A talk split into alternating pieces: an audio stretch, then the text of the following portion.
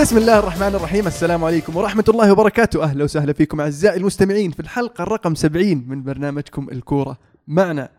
الكورة معنا عبارة عن برنامج صوتي كروي أسبوعي نسولف فيه عن أحداث كرة القدم العالمية والمحلية. معنا اليوم عبد العزيز. يا هلا وسهلا. أهلا وسهلا. كيف حالك؟ الحمد لله. مبشرنا أنك؟ الحمد لله طيب. مستعد لمباراتكم؟ جاهز جدا. مو بس مباراتنا مباريات غيرنا بعد. عساكم أحسن من غيركم بس. عبد الله. هلا والله. يلا حيا الله يحييك. كيف الحال؟ والله تمام. نعتذر طبعا عن التأخير في الفيديو اللي وعدنا فيه آخر مرة. آه، مشاكل تقنية. ظاهر إنه مسح ممكن.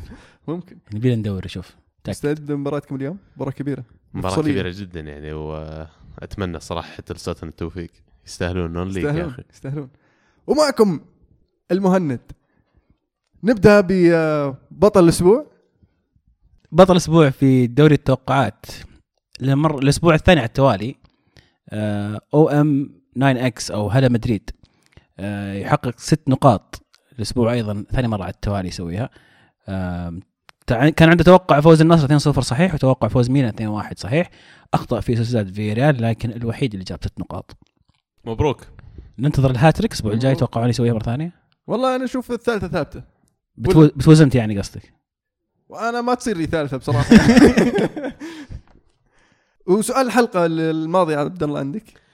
سؤال حلقتنا الأسبوع الماضي كان ما هو أكثر دوري لا تزال المنافسه فيه قائمة؟ ومن برأيكم المرشحون الابرز المنافسه طبعا كان في تصويت وغالبية الأصوات 50% تقريبا منها راح للدوري الإسباني. بعده كان الدوري الإنجليزي 32% أم، طبعا بعض الردود اللي جتنا كانت آه، من زيدولر أو زيزو يقول الاسباني لأن يتوقع برشا راح يخرج من الأبطال وإذا خرج راح يصب تركيزه بالدوري. أي عثرة المدريد راح تكلف كثير. موسيقار زماني كمان يقول برأيي الألماني لأن الأقل فرق نقاط بين الأول والثاني. زائد أنشيلوتي دايم يحوقها بالدوري إلا إذا كان هدف الفريق الدوري. بالدوري الألماني يعني ما أشوف إنه فيه المنافس الحقيقي يعني. فعلا لايبزيج يعني أضعف شوي فعلا فريق كويس بس يعني ما ما راح يعطي ال- البايرن المنافسة الصعبة. طبعا محمد الهاشم ذكر يمكن أنا أشوف الخيار فعلا اللي نسيناه وغضينا عن الطرف يقول الدوري السعودي وأشوف أن الهلال والأهلي هم الأبرز. وما زال السباق على الدوري السعودي مفتوح ولا تشوفون غير كذا؟ ومو بس حتى قصر على الهلال والأهلي. آه، فعلا الدوري السعودي لم يحسم بعد لسه آه، آه، باقي ثمان جولات. والثلاثة في الترتيب أتوقع الأربعة كلهم داخلين في المنافسة. والهلال كمان عنده الأسبوع الجاي مباراة قوية جدا ضد الاتحاد ممكن كمان تفتح صراع المنافسة على مصراعيه يعني. فعلا وفي كلام طالع برضو إنه ممكن يرجعون ثلاث نقاط حقت الاتحاد. صحيح. صحيح. عبد الله يقول الدوري الإنجليزي والسبب قوة المنافسين وأي مباراة تعتبر صعبة على المتصدر ولا فارق النقاط يعتبر كبير بكل الدوريات؟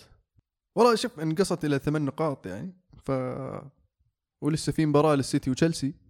فممكن يعني وباقي مباراة لليونايتد مع تشيلسي يعني هذه أصلا مباراتين لهم. لكن في الأخير أتوقع إنه ما زال وعلى الفارق. فارق النقط اللي قاعد يتكلم عنه فعلا في كل الدوريات الفرق بين المتصدر والثاني كبير إلا في حالة الدوري الإسباني اللي هو بدال فرق النقاط عندهم مدريد المباريات المؤجلة ويقول على طاريها عبد الكريم عيسى منطقيا الإسباني إلى ما يلعب الريال المباريات المؤجلة إذا فاز فهو انحسم وإذا تعثر البرشا راح ينافسه. أتفق معه. فعلا مباراة مدريد بكرة الأربعاء أو بعد بكرة الأربعاء. فممكن. وهذه كل المشاركات اللي كانت معنا. آه، اعذرونا إذا ما سعفنا الوقت. نذكر جميع الردود. حلو. نوصل لل Champions League الأسبوع هذا كان في آه، الدور 16 الدور الأول النصف مباريات اللي لعبت آه، الأسبوع الماضي والنصف الثاني راح يلعب هذا الأسبوع. لكن راح نتكلم عن مباراة الأسبوع الماضي. باريس سان جيرمان فاز على برشلونة 4-0 يعني كذا أتوقع أكثر متفائل من جمهور باريس سان جيرمان ما كان متوقع هذه النتيجة. يعني آه، فوز ب 1-0 راح يكون شيء آه، أكثر من إيجابي بالنسبة لباريس سان جيرمان بس انه يحسمها في الجولة الأولى ضد برشلونة اللي كانوا يعانون منهم يعني PSG مو بأول مرة يقابلونهم. فعلا. PSG قدموا مباراة مثالية في وجهة نظري. الجميع كان ممتاز. جميع لعيبة PSG كانوا رائعين. بالأخص طبعا يبغى نخصص نقدر نقول رابيو آه، فيراتي وكمبمبي اللاعب اللي أنا صراحة ما كنت أعرف عنه أبد ولا شيء قبل المباراة هذه. فاجأني في مباراة أول مباراة له في ال Champions League يقدم مستوى ممتاز في الدفاع. ما حسينا بغياب تياغو سيلفا. الفريق كله كان يضغط على لعيبة برشلونة. آه، دراكسلر انضم مع المجموعة بشكل ممتاز. آه، دي ماريا شفناه يضغط أيضا. كافاني أول واحد يضغط. الفريق كله كان يقدم مباراة رائعة. أعتقد آه، أوناي إيمري بص- بصمته واضحة في المباراة هذه. اللي عجبني في PSG أكثر شيء إنهم دخلوا المباراة هذه ولا هم خايفين من من برشلونة. يعني يمكن المباريات السابقه كانوا يدخلون هم يعني عندهم شوية توتر أو شايلين هم مباراة برشلونة وفريق كبير وصعب واستحواذ على الكورة. المباراة هذه نزلوا وما عندهم أي مخاوف وفعلا شفنا النتائج يعني صفعة قوية لبرشلونة. ومو بس كذا حتى برشلونة كانوا سيئين مرة. يعني شفنا كل أهداف PSG تقريبا ما عدا الفاول. آه، ولا لاعب من برشلونة يضغط على اللاعب اللي مع الكرة من باريس سان جيرمان بعد. فغير إن PSG جاي مستعدين فعلا المباراة جسديا ونفسيا وحتى ذهنيا يعني. وواضح انه كان برشلونة عقولهم مو موجودة في المباراة. شفنا جوميز سجل. هذا لاعب تجيب لي مبلغ وقدره. عندك راكيتيتش على الدكة ليش ما استعنت فيه؟ عندك كمان جالس دينيس سواريز. عندك خيارات توك شاريها يعني الصيف هذا ومو بقاعد تستخدمها تنزلها في الملعب. آه، الدفاع برشلونة كان تعبان. يبدو إنه ما كانوا متوقعين PSG راح يكون عنده كل هذا الرغبة والإصرار. كانوا يفتقدون للجوع برشلونة. يعني لو تشوف الهدف الرابع آه الظهير ظهير PSG انطلق من وين؟ إلى وصل إلى نص منطقة برشلونة وما حد ضغط عليه وأخذ راحته في المناولة. نفس الشيء ميسي لما قاطت من الكورة في الهدف الثاني. يعني تحس في شوي من اللامبالاة في اللعيبه ما أدري إيش المشكلة. تلكؤ تحس كذا. إيه. أتوقع لانهم فايزين كثير خلال الفترة الماضية جايين على فترة تغيير. فترة تغيير دائما يمكن نفسيا غير منافس مناسبه للاعبين. ميسي عقده ما بعد جدد. المدرب في طالع عليه كلام إنه بيطلع آه، بشكل عام رجعت إنيستا. تو راجع من إصابة لعبة أساسي. صح. في خلافات شكلها قاعدة تصير بين لاعبين معينين داخل النادي. تصريحات سمعتوا عنها ما أدري أي تصريحات أنا حمستني بصراحة مم. سمعني أنا سمعت تعرفني أنا سمعت من واحد من الشباب يقولون مسكرانو يقول إن آه، ميسي أكبر من النادي هل صدق هالكلام؟ والله آه، ما أحتاج أتوقع يقولها يعني ما يعني. وش رأيك أنت؟ والله اذا إذا مشي ميسي يمشي اللعيبة اللي ما يبي لا لا هو م- هل ميسي أكبر من نادي اللي يلعب فيه؟ أتوقع إن هذا كلام يعني فعليا إيه؟ أنا ما أشوف انه في لاعب أكبر آه، اي بس الإدارة يعني شوف شاطح. ميسي هذه الصلاحية إنه يصير أكبر من النادي ما ندري اللي اذا معطينا. الصلاحية بس كمان في داني الفيز طلع تكلم البارح يقول إن اداره انتقد إدارة برشلونة بشكل حاد بارتوميو بالاسم حتى. وقال إن تعاملهم مع اللاعبين مو مثالي كانوا دائما يوعدون اللاعبين ويعطونهم وعود كبيرة ويجيبون لهم زي ما تقول السماء في يد والأرض في اليد الثانية أو الشمس في يد والقمر في يد وآخرتها يقول ما نشوف إلا الكلام على طاري ال ال ال ال ال الكلام حق ماسكرانو في كلام زي طالع أن ميسي يطالب أن الثلاث لعيبة يمشون ويلحقهم المدرب و ويقولون أنه يعني طالب من المدرب الجديد اللي هو سامباولي انه يجيب دي ماريا الفريق والله وش رأيك بهذا الكلام برضو؟ أستبعد الصراحه لسبب واحد إني سمعت كمان إن سان باولي رفض فكرة تولي تدريب برشلونة الوقت الحالي ومو بس كذا. دي ماريا لاعب طلع من مدريد لأن مدريد كانوا يلعبون يحاولون يلعبون كرة قدم آه، مبنية على ال possession أكثر على الاحتفاظ بالكره دي ماريا تقريبا 70% من باساته على قدام وهذا السبب اللي خلى مانشستر يونايتد يفكونه من الأساس. فان خال قصدك. إي طبعا لما خال كان يحاول يحتفظ بالكره عموماً، فأسلوب لعب برشلونة يستبعد هذا الشيء. بعد أي خسارة كبيرة تكثر التصاريح والإشاعات والكلام الفاضي هذه. خلينا نركز على الواقع الآن. هل لويس إنريكي منصبه الآن مهدد. هل ممكن لو صار شيء في القريب انه يقيلونه ولا بيصبرون للصيف؟ أنا أتوقع مهدد جدا بعد. أنا ما أتوقع يقيلونه. بيخلصون الموسم بعدين بيمشي. لأنه ما في أي سبب تقيل الحين. ولا في أي سبب يخليه يكمل الموسم. طيب وش قاعد ينافس عليه هو؟ طيب يعني على الأقل آه، خلص الموسم. هذا الفكرة. تقيل الحين وما تقعد كذا من غير مدرب لنهاية الموسم عشان تجيب المدرب الجديد. أصلا نهاية عقده نهاية الموسم. يمكن يقول لك خله يخلص عقده عرفت؟ عشان ما تقيله انت وتعطيه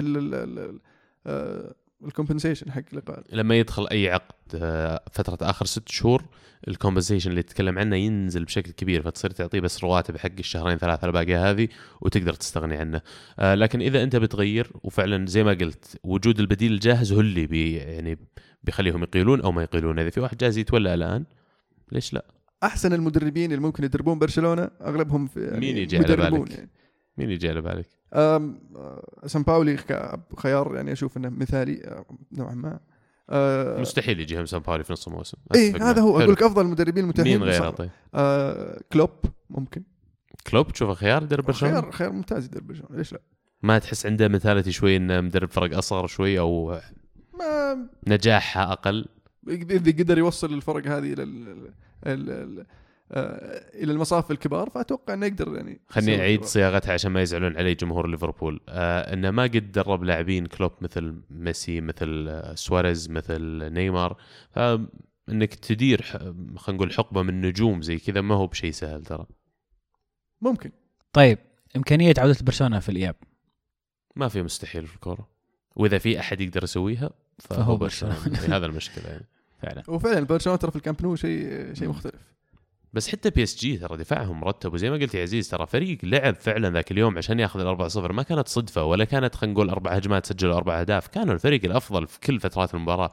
فإذا PSG جو بنفس ال- ال- الفكر حقهم في المباراة الأولى انه جايين نبغى نلعب مباراة حلوة وفريقهم خصوصا ورا يا أخي في الدفاع والمحاور مرة قوي. لما تتكلم قاعد تلعب لي جناح يسار ماتويدي تعرف إن عندك كمية محاور مو طبيعية. حلو.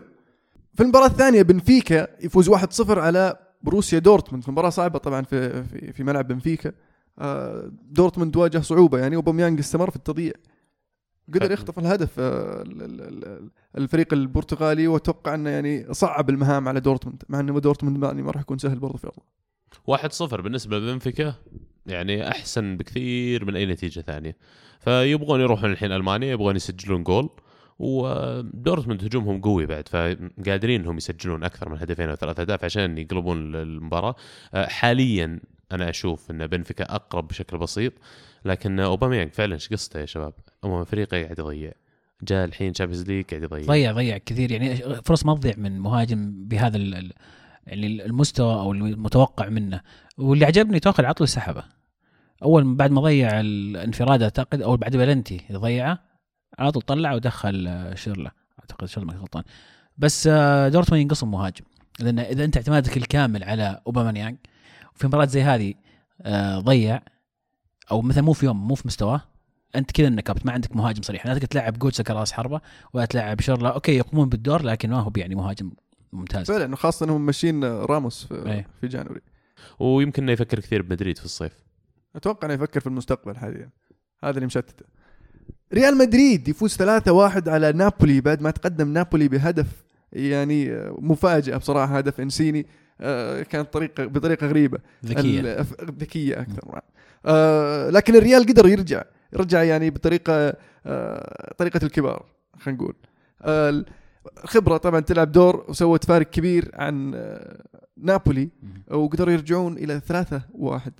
صحيح.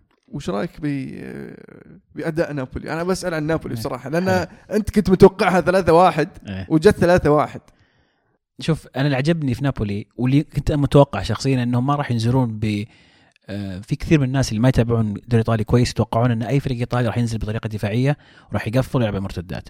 نابولي نزلوا لا مستعدين يلعبون ضد ضد ضد الخصم مين ما كان ما مو هامهم طبعا قبل المباراة دخل عليهم مارادونا في غرفة الملابس وأعطاهم كذا سبيتش آه، وحمسهم وقال لهم تقدروا تفوزون. فيمكن أول ربع ساعة شفنا هذا الشيء على حماس حتى في أول دقيقة كانوا ناسين الدفاع وبنزين بغى يجيب هدف من كثر ما هم منطلقين. آه لكن عجبني في نابولي إنهم فاتحين الملعب يهاجمون. آه زي ما قلت خبرتهم ما ساعدتهم. بغوا يجيبون هدف ثاني آه ميرتنز. كان عنده فرصة خطيرة جدا يعني ميرتنز على المستوى اللي فيه اللي هو فيه الآن كنت تتوقع يعني, يعني هدف زي كذا ما مستحيل يضيعه. آه لكن طبعا مدريد آه بالخبرة بمهارة اللعيبة استطاع إنه يتفوق وكان أيضا مدريد كان ممكن يسجل أكثر. المباراة كانت ممتعة جدا. آه ونابولي نابولي ما زال خطير يعني. فمباراة الإياب راح تكون 2 0 شوف من الحين 2 0 لكن قبلها بودكاست اللي حلقة قبلها إن شاء الله نشوف. أعيد الشريط وأتأكد. بس يعني شوف نابولي ما راح يكون سهل في في ملعبه. لكن الريال يعني بالأداء هذا أتوقع منه يعني راح راح يتعبهم واكيد. راح يسجل. أكيد ومدريد تغلب في معركة الوسط يعني كاسميرو كان عنده هامشك في جيبه الخلفي وبشكل عام مدريد تحكموا بالمباراة والكورة أفضل بكثير من نابولي وبين خبرتهم في الموضوع. عجبني كمان بنزيما يعني رد على كثير من النقاد. أول ما بدأت المباراة شات شوطة صدها رينا وضيع واحدة ثانية سهلة لكن رجع وسجل هدف ممتاز يعني وكسر بهذا الهدف ترى رقم آه، تييري هنري كأكثر فرنسي سجل في ال Champions League. وصار الخامس في التاريخ. من ناحية الهدافين. اي فهذا يرد على كثير من الضغوطات اللي كانت عليه. هو له ظاهر الحين 12 مباراة في ال Champions ما سجل كانت قبل هذه المباراة. أو في رقم كان عنده اللي هو غياب عن التهديف. ف أنا أشوف إن بنزيما ما زال مهاجم كويس ما زال مدريد محتاجة في الفترة الحاليه ما أتوقع يفكونه حتى في وجود مراته إلا يمكن السنة الجاية أو اللي بعدها. إذا جابوا أحسن منه. بالضبط. فلازم يجيبون أحسن منه. أشوف يعني آه، وصعب ترى تجيب أحسن منه. ما في إلا كم واحد اللي فيه فعلا تجيبه تقول هذا أحسن يعني. يعني في أجويرو يعني حالته يعني غير مستقرة. في عندك أوباميانج برضو حالته غير مستقرة. بس هل أوباميانج أفضل من بنزيما؟ يعني راح يعطيهم بعد مختلف خلينا نقول. آه، من ناحية السرعة من ناحية ال... آه، برضو لأن الريال قاعد يفقد ال- الكثير من سرعته مع كبر سن. رونالدو وفي غيابات بيل الكثيرة برضو. فيحتاجون لاعب سريع بعد. وإيش بيسوي بعد مدريد في غياب كاسميرو أنا هذا سؤالي. يا أخي سجل هدف زاحف. ومو بس هدف سجل جميل. هدف هدف جميل. صدق. يعني. سجل هدف ومكنسل خطورة الخصم فلاعب زي كذا لما تفقده مين بتحط بدالة؟ وهذا وهذا اللي صار لهم قبل فترة. يعني صحيح. في ديسمبر. في ديسمبر وجانيوري الظاهر. هامسك هامسك ما كان في يومه واعتقد أسباب كاسيميرو. آه، وسط وسط نابولي ما كان ممتاز في هذه المباراة. وأكيد ديوارا يا رجل ديوارا كان ديوارا كان رائع. كان هو اللي كان هو اللي داير الوسط مو بكأنه هامسك يعني 19 كان معجر له كاسيميرو إيه. زيلينسكي ما كان في يومه ويعني تطليته كانت يعني متأخرة شوي من, من رأيي أيضا عجبني رونالدو في متغير شوي رونالدو ولا صاير لعبة جماعي أكثر صار يصنع صار ما أدري يعني أعطانا جهة جديدة لرونالدو عجبتني عاجبني التوجه حق رونالدو الآن. يجيك غير إنه يجيك مع الخبرة هذا الشيء جسمك لما تبدأ تقرب أو تعدي سن الثلاثين ما عاد فيك إنك أنت تمسك الكورة وتركض زي بيل مثلا من خط النص لين المرمى بالعكس تحفظ جهدك وتحاول إنك تحافظ على أرقامك. فهو الطريقة الوحيده إنه يحافظ على أرقامه إنه يشرك زملائه في اللعب معه. حلو. بايرن ميونخ يفوز خمسة واحد على أرسنال. مباراة كان الكثير يتوقع الكثير من أرسنال لكن أرسنال على ما يبدو يعني عاد إلى عادته القديمة. فعلا عاد وش اللي صار يعني؟ إي فعلا عادة القديمة المو كل سنة قاعدين في نفس الفترة من الموسم نواجه نفس التحديات يعني والمضحك في الموضوع انك قاعد تقابل نفس الفريق حتى. غير إنك مثلا لما تروح لتشيلسي تخسر في ملعبهم غير ان لما يجونك تشيلسي على ملعبك يعني 80% برضو chance انه بيفوزون عليك. غير إنك لما تروح ويقابلك ببرشلونة ولا بايرن ميونخ مستحيل إنك تتأهل. أتفهم إن جاك الفريق هذا ثلاث مرات ورا بعض ما تأهلت okay يمكن إنك حاولت لكن جاك ست سبع مرات. نفس الفريق أو نفس العقبة هذه ولا مرة عديتها. معناته اللي قاعد تسويه مو بصح. ف أنا أشوف إنه كان خطأ كبير يعني من فينجر كمان عدم تجهيز خطتين خلينا نقول نازل هو الملعب وواضح إن الخطة كانت يبغى يضغط على اللاعبين يبغى يضغط على اللاعبين بايرن ميونخ ما يعطيهم وقت على الكورة. لكن تشوف سانشيز بينت حتى من من خلينا نقول حركاته على الملعب لما كان يضغط على المدافع ومع الكورة يلتفت يشوف يناولها لمين إلا يلقى الحالة خويه إيوبي قاعد ورا ولا آه، والكوت ما ضغط على اللاعب ولا فلما شاف فينجر إن اللاعبين غير قادرين إنهم يطبقون خطته على الملعب المفروض إنه حول خلاص صفهم دفاع قفل دامج ورا. كنترول صف ورا. خلاص جت 2 1 قفل. مو يجي حتى. دامج control جبت واحد واحد انت خلاص واحد واحد أحلى من ممتاز. ترجع من من ميونخ وانت متعادل واحد واحد تعادل إيجابي بعد ما في أحلى منها يعني. بس آه، ما زال يثبت إنه غير قادر على تغيير أسلوبه. هو زي الفرق بين الأكاديمي والعملي. الشخص الأكاديمي بيحط لك ال theories أو النظريات ويحاول يطبق النظريات على الورق لكن لما تجي تطبقها على الواقع ما تشتغل هذه النظريات.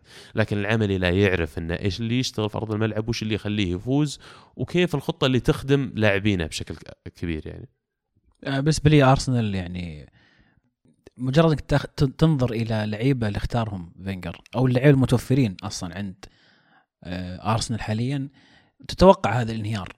يعني ما مستحيل إنك تق- تقابل بايرن بوسط مكون من من كوكلان و- وشاكا وأوكس ويوبي. تلعب قدام بايرن ميونخ. آه، لما يكون الورقه الرابعه حقتك آه، والكوت آه، برضو هذه يعني علامة تدل إن دكتك ضعيفة. لما يكون الكابتن حقك جيبز مشكلة. لما يكون ما عندك بديل لكوتشيلي لما يطلع مصاب ينزل واحد زي جابرييل برضو هذه كلها أدلة على إن في عناصر منفوخة ومكبرينها بزيادة على غير سنة في أرسنال. أرسنال لازم يعيد من جديد النظرة إلى هو وش أهدافه فعلا. هذا الكلام دائما أقوله دائما اعيد عن أرسنال. لكن مشكلة أرسنال الأساسية إن التوجه الاداره شيء ورغبة الجماهير شيء ثاني. طموح الجماهير شيء أو ثاني طموح فعلاً. الجماهير شيء آخر آه. الإدارة يعني الرئيس هو مصرح إنه ما جاء أرسنال أصلا عشان يجيب البطولات. هذا الشيء واضح. وأول ما يعني يخسرون فرصة التاهل لل Champions League راح تغير أشياء كثيره أتوقع في الأرسنال. وهذا اللي المفروض يصير عشان إيش؟ يتغير ال- ال- الوضع في أرسنال. هذا من رأيي يعني. آه بس بالنسبة يعني حتى الهدف الأول. الهدف الأول هدف روبن يعني انت تعرف؟ ضد إيه. روبن يعني مو مين ما يعرف. مو بأول مرة تلعب ضد جاء من روبن. مين؟ ويجي يخش يسار كذا عادي ومخلينه ثم يروح يشوت. ما حد حوله. كوكلان يتفرج عليه. بدل ما يغطي رجله اليسار راح يغطي رجله راح يغطي الجهة الثانية. ما أدري إيش قاعد يسوي. السؤال الأهم أنا ليش عندي كوكلن؟ أنا ليش قاعد ألعب كوكلن أساسي؟ أنا ليش عندي آه، إيوبي؟ ليش؟ ليش عندي جابرييل في الفريق؟ أنا أبغى أعرف يا أخي، ليش أنا عندي المدافع الثالث اللي على أساس أنا معول عليه مصاب ميرتساكر؟ ليش مصطفي هو اللي أنا جاي الحين باز فيه وهايط عليكم من أول الموسم المدافع الخرافي؟ ليش مو مصطفي هو اللي ينزل من الدكة؟ ليش ما عندي أنا واحد زي لابورت في الدفاع موجود في الفريق؟ ليش قاعد أعتمد على جبس؟ ليش جبس زي ما قلت كابتني؟ وش وصل له الناس اللي شالوا الكابتنية هذه وصلت آخرتها لجبز لو يعرفون أخرتها بيشيلها جبز ما شالوها قبله ليش عندي مدرب شاطح ينزل لي اوسبينا في الشامبيونز؟ ليش؟ أنا مو قاعد ألوم اوسبينا ولا قاعد أقول إنه هو سبب الخسارة ولا كان أحسن واحد سيء. قد يكون أحسن واحد لعب في أرسنال ذاك المباراة. وأنا أتفق معك على هذا الكلام بس ليش؟ ليش الفلسفة هذه؟ ليش أنا فريقي كذا عرفت؟ ليش أنا عندي سانشيز إذا ما ضغطوا اللاعبين يفكر نفسه أكبر من النادي يبدأ يستهبل وينفس وما يبغى عاد يلعب؟ ليش؟ ليش سانشيز لما تجي كرة جوا منطقة الجزاء ما يدفها لبيليرين اللي فاتح عشان أحسن فرصة لتسجيل الهدف؟ لا لازم هو اللي يسجل الهدف لا يا أبوي لا معليش طفح الكيل يعني. وأنا أقدر أقول إني أنا كنت من الناس اللي مؤمن فعلا بالنظرية هذه حقت اصبر بيجي لك chance ما دمت تشترك في دور 16 مثلا ولا تتأهل كل سنة للشامبيونز ليج وتشارك وتتأهل من المجموعات سنة من السنين بتزبط معاك وبتفوز فيها. ما دامك دائما موجود. لكن طلع هذا عكس الواقع. طلع إن الواقع لما جاك خمس أو ست مرات ورا بعض فرق قوية في نفس الفترة في نفس دور ال 16 وطلعت يا عمي قبلها ترى مقابلين أيس- أيندهوفن مطلعيننا موناكو مطلعينا من دور ال 16 فما وقفت حتى على بايرن. أنا ما أتحجج حتى بالقرعة يعني. عندي لك سؤال يا عبد الله بخصوص هذه الخسارة. هل تشوف إنها هذه الخسارة أكبر خسارة في فترة فينجر مؤخرا؟ هل هي يعني مو من ناحية نتيجة من ناحية آه، من ناحية إيش قاعدة أثرها على الجمهور وأثرها على المتابعين ومحبين وأثرها على فينجر ولا زي ما شفنا السنوات الماضية راح يفوز أرسنال مثلا بال FA Cup ويخلص المركز الرابع وفي الصيف نجيب لاعب كبير وننسى كل السالفة ونعيد من جديد. فعلا هذا اللي كان قاعد يصير خلال مثلا السبع أو ثمان سنوات الماضية لكن لا أنا ما أشوف إنها أسوأ نتيجة. تجي على بالي نتيجة 8 2 مع مانشستر يونايتد ذاك الموسم. خلتنا نشتري خمس لاعبين في آخر يمكن أربع أيام من سوق الانتقالات. ففي مرات خسائر تخليك تعيد مراجعة نفسك وتعيد مراجعة حساباتك. أشعر أن هذه كانت محبطة للجماهير أكثر مما هي خسارة كبيرة أن كل أحد كان متوقعها جاية كل أحد بادي يطقطقه من بدري. حتى يعني أتذكر tweet ال account بايرن ميونخ قبل القرعة يقولون ها نحجز على لندن مرسلين التويتر حق ارسنال فالموضوع صار نكتة أكثر مما هو أي شيء ثاني. واللي تغير في الموضوع السنة هذه أن فنجر لما سألوه عن مستقبله خلال المؤتمر الصحفي قال أن أنا بدرب سواء كان هنا ولا غيره. فحتى لغة المدرب بدأت تتغير علينا حتى حتى التزامه أحس أو رغبته إنه يعني يكمل مع أرسنال وبث الروح القتالية اللاعبين ما عاد هي موجودة. يعني أنا أقول يمكن فرق السن بينه وبين اللاعبين كبير. نشوف حاليا أنجح المدربين خلينا نقول على المستوى الأوروبي كأعداد. طبعا ما أتكلم كأنجح واحد أو اثنين بس بافرج المدربين الصغار اللي أعمارهم في الأربعينات مثلا نشوفهم أنجح ناس حاليا. ليش؟ لأنه قريب من سن اللاعب يعرف يحكي بلغته يعرف فعلا إنه يوجهه ويتحمس معاه اللاعب. لكن أنت عمرك حول السبعين سنة الحين يعني واللاعب تدرب واحد عمره 18 أنت جدا له يعني. فعلا. السر أليكس كان ترى يغير في ال- ال- المساعدين حقينه والمساعدين حقينه هم أقرب الناس للعيبة. آه، فأتوقع هذا اللي ساعده في على المدى البعيد والفترة الطويلة يعني. فممكن يكون هذا أحد أسباب تعثر أرسنال في الفترة الأخيرة لكن يظل أرسنال يعني آه، يدور في دوامه وعشان يطلع من الدوامة لازم يرجع خطوة وراء عشان يقدر ياخذ خطوتين قدام. وأتوقع أن راح تكون في صالح أرسنال على المدى البعيد. راح يتعثرون ممكن السنة الجاية ممكن اللي بعدها. لكن أتوقع أنه يرجعون يعني. وطبعا مع الكلام هذا كله بايرن أدوا مستوى ممتاز لعبوا المباراة زي ما هم يبغون بالضبط. خطوط دفاعهم تقريبا كلها قوية لكن أنا مو مقتنع كثير من وسطهم. أشوف يمكن لو واجهوا اختبار أصعب من أرسنال ممكن يوجه لهم مشاكل أكبر بكثير. يعني PSG واحد من الفرق اللي تجي على بالي اللي ممكن يحوس بايرن ميونخ ترى لو يطلع لهم. في أكثر من فريق ممكن يتعبهم بعد. تياجو عندهم بايرن. ترى ما كانوا ما كانوا يعني ما قدموا مباراة مثالية كانوا كويسين بايرن معليش قاطعتك على. على طاري تياجو أنت قلت في أحد الحلقات أو قلت أو يمكن آه، في سواليفنا الجانبية أن تياجو يعني ما هو حتى اللاعب من لعيبة الوسط ال- ال- الكويسين أو يعتبر يعني world class وش رأيك في في أداء في هذه المباراة؟ والله شوف أنا ما اتذكر اني ما قلت إنه مو world class ولا مو من الكويسين لاعب ممتاز the end وما طلع أصلا من برشلونة إلى بايرن إلا واضح إن اللاعب له قيمة وخذ معاه جارديولا ويبغى يلعب بأسلوب معين وفعلا لعب هذا الدور اللاعب اللاعب اللي يوزع الكرة يوسع الباسات موجود في كل مكان في الملعب لكن تشابي ألونزو بدأ يكبر. فيدال آه، بالنسبة لي فترته مع يوفي كان أفضل وأخطر بالنسبة لي. فما أعرف يعني يمكن الوسط هو نقطة ضعفهم. روبن عمره 33 ممتاز اللاعب لكن وش معد أنت للسنة الجاية أو اللي بعدها؟ أتوقع يشترون رويس مثلا؟ سانشيز. سانشيز سانشيز. فعلا من الخيارات. بس أنا ما أتوقع. فيراتي وسانشيز في الصيف. حلو. كان كان عندك أسئلة عزيز؟ قبل الأسئلة بس ترى بايرن ما كانوا مثاليين ما كانوا ممتازين في المباراة هذه. كانوا كويسين أفضل من أرسنال. بس يدلك مدى الضعف اللي في أرسنال. ما عندهم قائد أرسنال. يوم طلع كابتنهم يعني غير إنه أحسن مدافع غير كذا الضغط, يعني- الضغط على حامل الكره آه كوكلين كم كرة افتك عبد الله ذكرني. مو بكم كرة فتك الظاهر ولا صفر. صفر، صح؟ الناجحة إيه. صفر أو واحد. إيه. ال- المحزن أكثر إن الشوط الثاني اللي لقمنا فيه كل الأهداف يقول لك ارتكبنا فاول واحد. بعد. ارتكبنا فاول واحد. يعني بدأوا يضربونك كذا زي الميت قمت انسدحت عملت حالك ميت وخلاص اضرب زي ما تبغى. يعني هذا هذا اللي يرفع الضغط. لما أشوف لاعبين ما يبغون يلعبون كورة بالنسبة لي يا شيخ أبيعهم وأحط لاعبين الأندر 21 كلهم يلعبون واحد واحد ولا أصبر على فريق زي كذا. يعني باستثناء يمكن اسم أو اسمين في الفريق كله. وزيل والبلندوري. والله شوف إيه، كشلني آه، البلندوري. طبعا إيه، بين سجال هذا علمه آه، كوسيلني من اللاعبين لازم يبقون. أنا اوزل شخصيا أنا أحب اللاعب وأحب اللي ممكن يقدمه للفريق اللي هو يلعب فيه. وإذا بنيت فريق حوله ممتع كره القدم تصير معه. حلو. آه ناخذ شوية أسئلة عن تشامبيونز ليج شريف يقول هل وجود المنافسة في الدوري الفرنسي هذا الموسم انعكست على أداء باريس في الأبطال؟ أتوقع اللي أثر عليهم أكثر اللي هو عدم وجود زلتان لأن وجود زلتان في الفريق يخليك تلعب آه، حول اللاعب. لازم كل كوره تروح قدام لازم تمر عليه. آه، فشفنا في المباراة هذه برش آه، عفوا PSG يلعب كفريق أكثر. آه، شفنا رابيو أبدع شفنا فيراتي أبدع شفنا آه، دي ماريا شفنا برضو آه، كافاني ودراكسلر كل هذول أبدعوا في المباراة. فأتوقع أن آه، الحين صاروا يلعبون كفريق أكثر من كابتن وكيمبمبي بعد الزاحف. علي هذا معلومة على مسؤولية علي. يقول أرسنال هو اول أول فريق إنجليزي يستقبل 200 هدف في تاريخ دوري الأبطال. مو بشيء ترى يعني آه، أول سلبي كله سلبي إيه. معناته إنك شاركت كثير يا أخي. صحيح.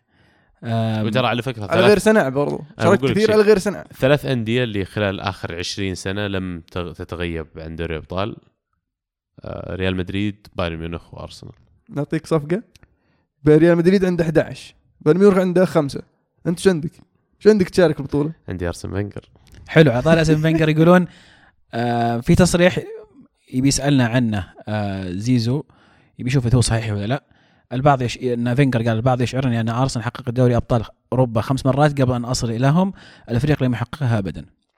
يعني لا ما أنا ما أدري عن صحة تصريح أنا. صراحة ما سمعته إلا من مصادر عربية فقط ما سمعت أنا. ما أعرف عن صحة التصريح آه، برضو ما سمعت عنه قبل لكن يعني في الأخير هو لما جاء ما كان مطالب خلينا نقول بدوري الأبطال ولا هو بهذه الطريقة اللي يحطون له target إدارة النادي. فأنا يعني أشوف إن احتجاج جماهير أرسنال بدل ما يصير على أرسن فينجر وعلى المدرب ما هو المدرب شخص موظف ووضع في مركز معين عشان يقوم بواجبه احتج على الإدارة. وبالنسبة لي فينجر ممتاز ترى كمدرب ممتاز كـ CEO رئيس نادي وممتاز كمدير مالي. لكن الظلم اللي حطيناه فيه لما طلع ديفيد دين استلم هو المراكز الثلاثة هذه اللي فيها كثير من تضارب تضارب المصالح فظلم خلينا نقول مسيرته كمدرب. كان في مشاكل في التحكيم في المباراة؟ الصراحة اي مرة لصالح زيزو. زيزو يقول إنه في آم، ثلاث بلنتيات البايرن ما انحسبت وأكثر من فاول غير محسوب برضو بلنتي مشكوك فيه. 100% أتفق معاه هذا بالرحمة مو بس بالرحمة الحكم كان يدفنا دف يرحم أمكم تعادل وعجزنا ما كان يبيها يعني تاريخية أكثر ما هي يعني. مستحيل. أكثر من كذا ما يقدر يسوي. بنتيات برضو. كان مشكلة. لا واضحة ثلاثة واضحة واضحة واضحة. ما فيها ما عليها غبار يعني. آه، مشاركة من مصعب اللي ذكرتها قبل شوي. تلخيص سوء أرسنال. ألونسو كان أفضل من خط وسط الأرسنال.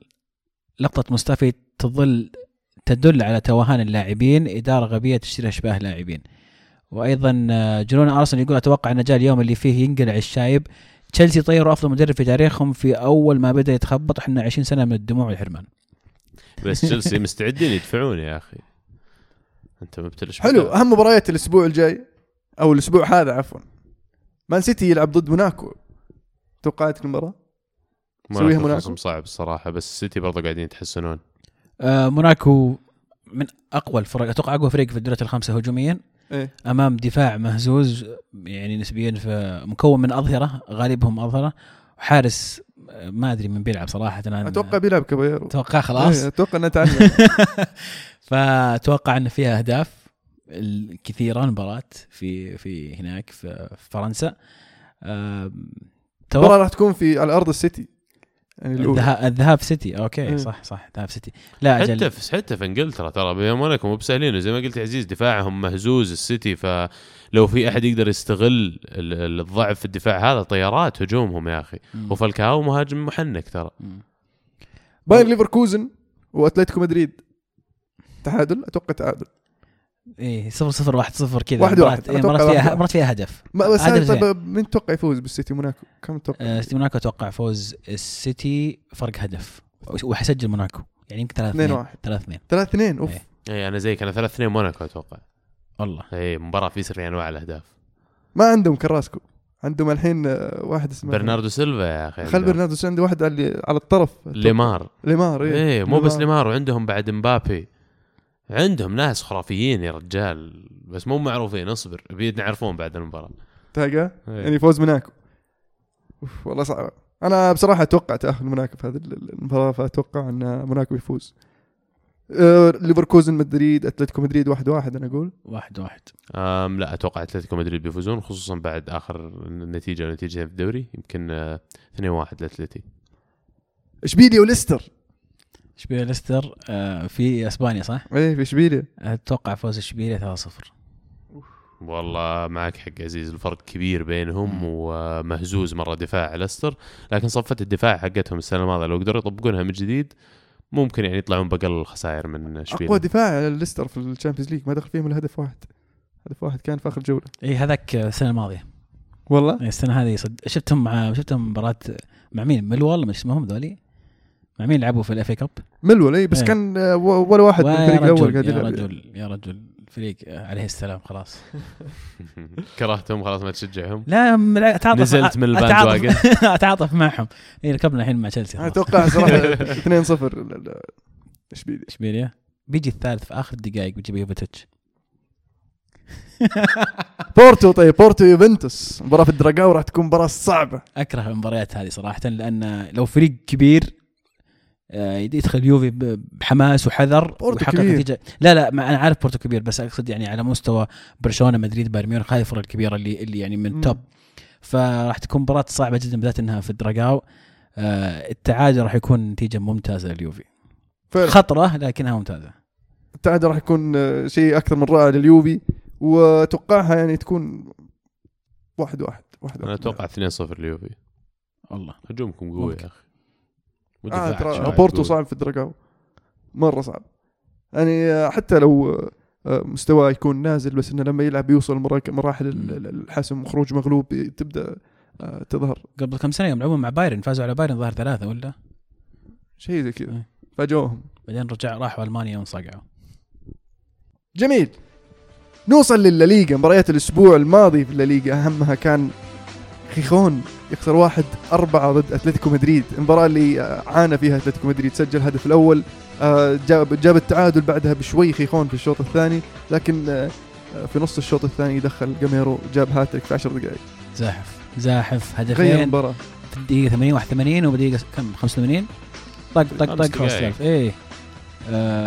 زعل عليهم الصراحة ومو بس كذا عمل لهم فرق يوم نزل يا أخي. كان هجومهم شوي بوجود جريزمان الحالة ضعيف في الهجوم أنا أشوف. آه، لكن بوجود واحد زي جاميرو مستعد يسوي العمل القذر في الملعب مستعد يرضى يضغط يركض آه، يفتح لك خلينا نقول آه، في جهات شاطحة يسحب مدافعين معه. جريزمان قادر إنه يشوفه ويعطيه ال pass بعد في نفس الوقت زي ما شفنا في هدفه الثاني حق آه، جاميرو أو الثالث حتى الثالث هدف الهاتريك إيه. حقه. الثالث خطف الكورة. إيه. الهدف الثاني الهدف الثالث هو اللي خطفها من المدافع وراح كمل لما يصير عندك مهاجم زي كذا يترك المجال لجريزمان إنه فعلا يقدر يستفيد من ال range حق ال passing اللي عنده. فشفناه في فرنسا يلعب معاه مهاجم آخر. أتوقع أتلتيكو مدريد لازم يلعبون ب 4 4 2 آه، لكن خيخون يعني آه، ما أدري شلون فتحوا لهم المساحات في آخر كم دقيقة يعني متقدم ومتعادل مع فريق زي أتلتي آه، المفروض إنك. تحاول يعني. فريق زي كذا تحاول تحاول تحاول بس إنك تتعب. يعني الجهد البدني اللي مطلوب إنك تقفز زي قدام فريق زي أتلتيكو دقيقة 80 أكيد إنهم انهاروا وخلاص تعبوا. ون- ونازل جاميرو نشيط من الدكة ما وفر. وذكي ذكي مرة ذكي. حلو. ريال مدريد يفوز 2-0 على إسبانيول. آه، المباراة ما واجه فيها صعوبة الريال آه، تقدم في الشوط الأول دخل بيل بعد آه، غياب طويل آه، 12 دقيقة وسجل الهدف الثاني حسم المباراة. وفعلا شافوا مدريدية إيش كان ناقصهم بغياب بيل يعني واعطاهم لمحة عن إيش ممكن يتوقعون في الأدوار الجاية من ال Champions League. راح يحتاجونه كثير بنهايه الموسم إذا كانوا يبغون يحتفظون بلقبهم. اسكو وإذا يبغون يفوزون بالدوري برضو. إسكو كان رائع في المباراة اثنين assist. أول آه. مرة يجيب اثنين assist. اللاعب اللاعب يعني مدريد. يستاهل فرصة أكثر من كذا. وإذا ما يبون مدريد ترى في أندية ثانية تبيه أوه. كثير كثير. تعال صف معنا في سرة يا أبوي. انت حل مشكلة مدربكم أول بعد. هذا زي نزونزي ترى. زين نبغاه. اشبيليا يفوز 2-0 على إيبار؟ وعلى ما يبدو إنه مستعد يعني إنه ينافس الفريقين برشلونة وريال مدريد. آه، ما زال قاعد يحاول يضغط فلتت منه مباراة قبل فترة. آه، لكنه آه، تركيز عالي ومستعدين لمباراة برضو ال Champions League ضد ليستر. برشلونة يفوز 2-1 على ليجانيس مباراة تقدم فيها برشلونة لكن جت تعادل. آه، في في الدقيقة تقريبا 60 70 آه، في الدقيقة 90 حصل على بلنتي. برشلونة من من من الموهوب آه، متخصص في اكتساب البلنتيات صحيح. آه، نيمار. والمدافع ثور يا أخي على الخط. إيش إيش مالك فيه تقصه هناك يا أخي؟ لا ونزل مدافع. لو مدافع لو إنه قاعد لو واقف المدافع وخبط فيه نيمار يمكن ما حسبها الحكم. بس لأن المدافع جلس عطى فرصة لنيمار إنه يقول خلاص طيب شكرا وصدم في نيمار وطاح وأخذ بلنتي نعم. هو بلنتي يعني ذكاء من نيمار لكن صحيح والحكم واقف قريب يعني وشايف إيه. اللي قاعد يصير إيه. آه، غريبة إن حاول هو ينبرش المدافع حاول يحط رجله لكن شاف إن الموضوع صعب يضف رجله لكن خلاص هو واقف في طريق الرجال الباريسي يقول في ظل التخبطات اللي يعيشها البرسا الآن تتوقعون بإمكانه تجاوز الأتلتي في الكالديرون وهل ستكون مباراتهم مفصلية للبرسا؟ أكيد راح تكون مباراة مهمة آه، للفريقين. إذا الأتليتي يبغى يرجع للمنافسة آه، لازم يفوز على ال- ال- الفرق اللي فوقه. وبرشلونة عشان يستمر في ملاحقة الريال لازم يستغل هذه المباراة عشان آه، يضغط على المتصدر. اللي يذكر في المباراة هذه برشلونة كان مستواهم سيء جدا. يعني حتى تشوف فرحة ميسي بعد البلنتي اللي سجله عادية جدا زي اللي باين الاستياء من من المستوى الامتداد اللي اللي ما حدث امام أمام باريس سان جيرمان. آه، برشلونة أحسهم في في مستواهم في هم في مأزق الآن يحتاجون يطلعون منه بسرعة لا يروح عليهم كل شيء. أنا أشوف المشكلة اللي يعانون منها مشكلة نفسية.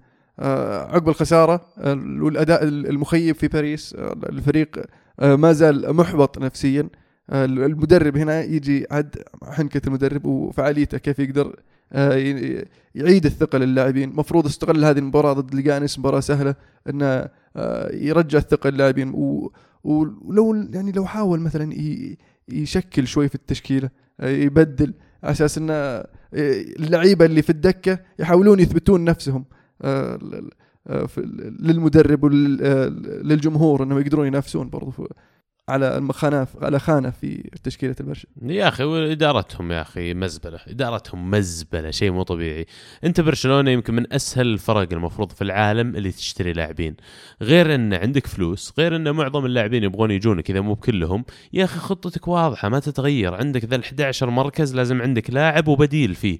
تروح تفك من فكيت داني الفيز تراك ما جبت لي ظهير يمين سيرخيو روبرتو قاعد يلعب هناك. جبت لي الكس فيدال لعبته مباراة زبل ما عاد لعبته. والحين يوم رجع جتها إصابة. كيف ما عندك تخطيط مباشر لمركز الظهير؟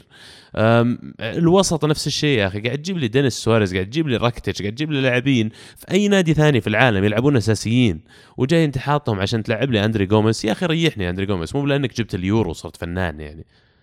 ما أدري أنا عندي الصراحة علامات استفهام كبيرة عليه على ألكاسير يوم إنك جبته باكو ألكاسير.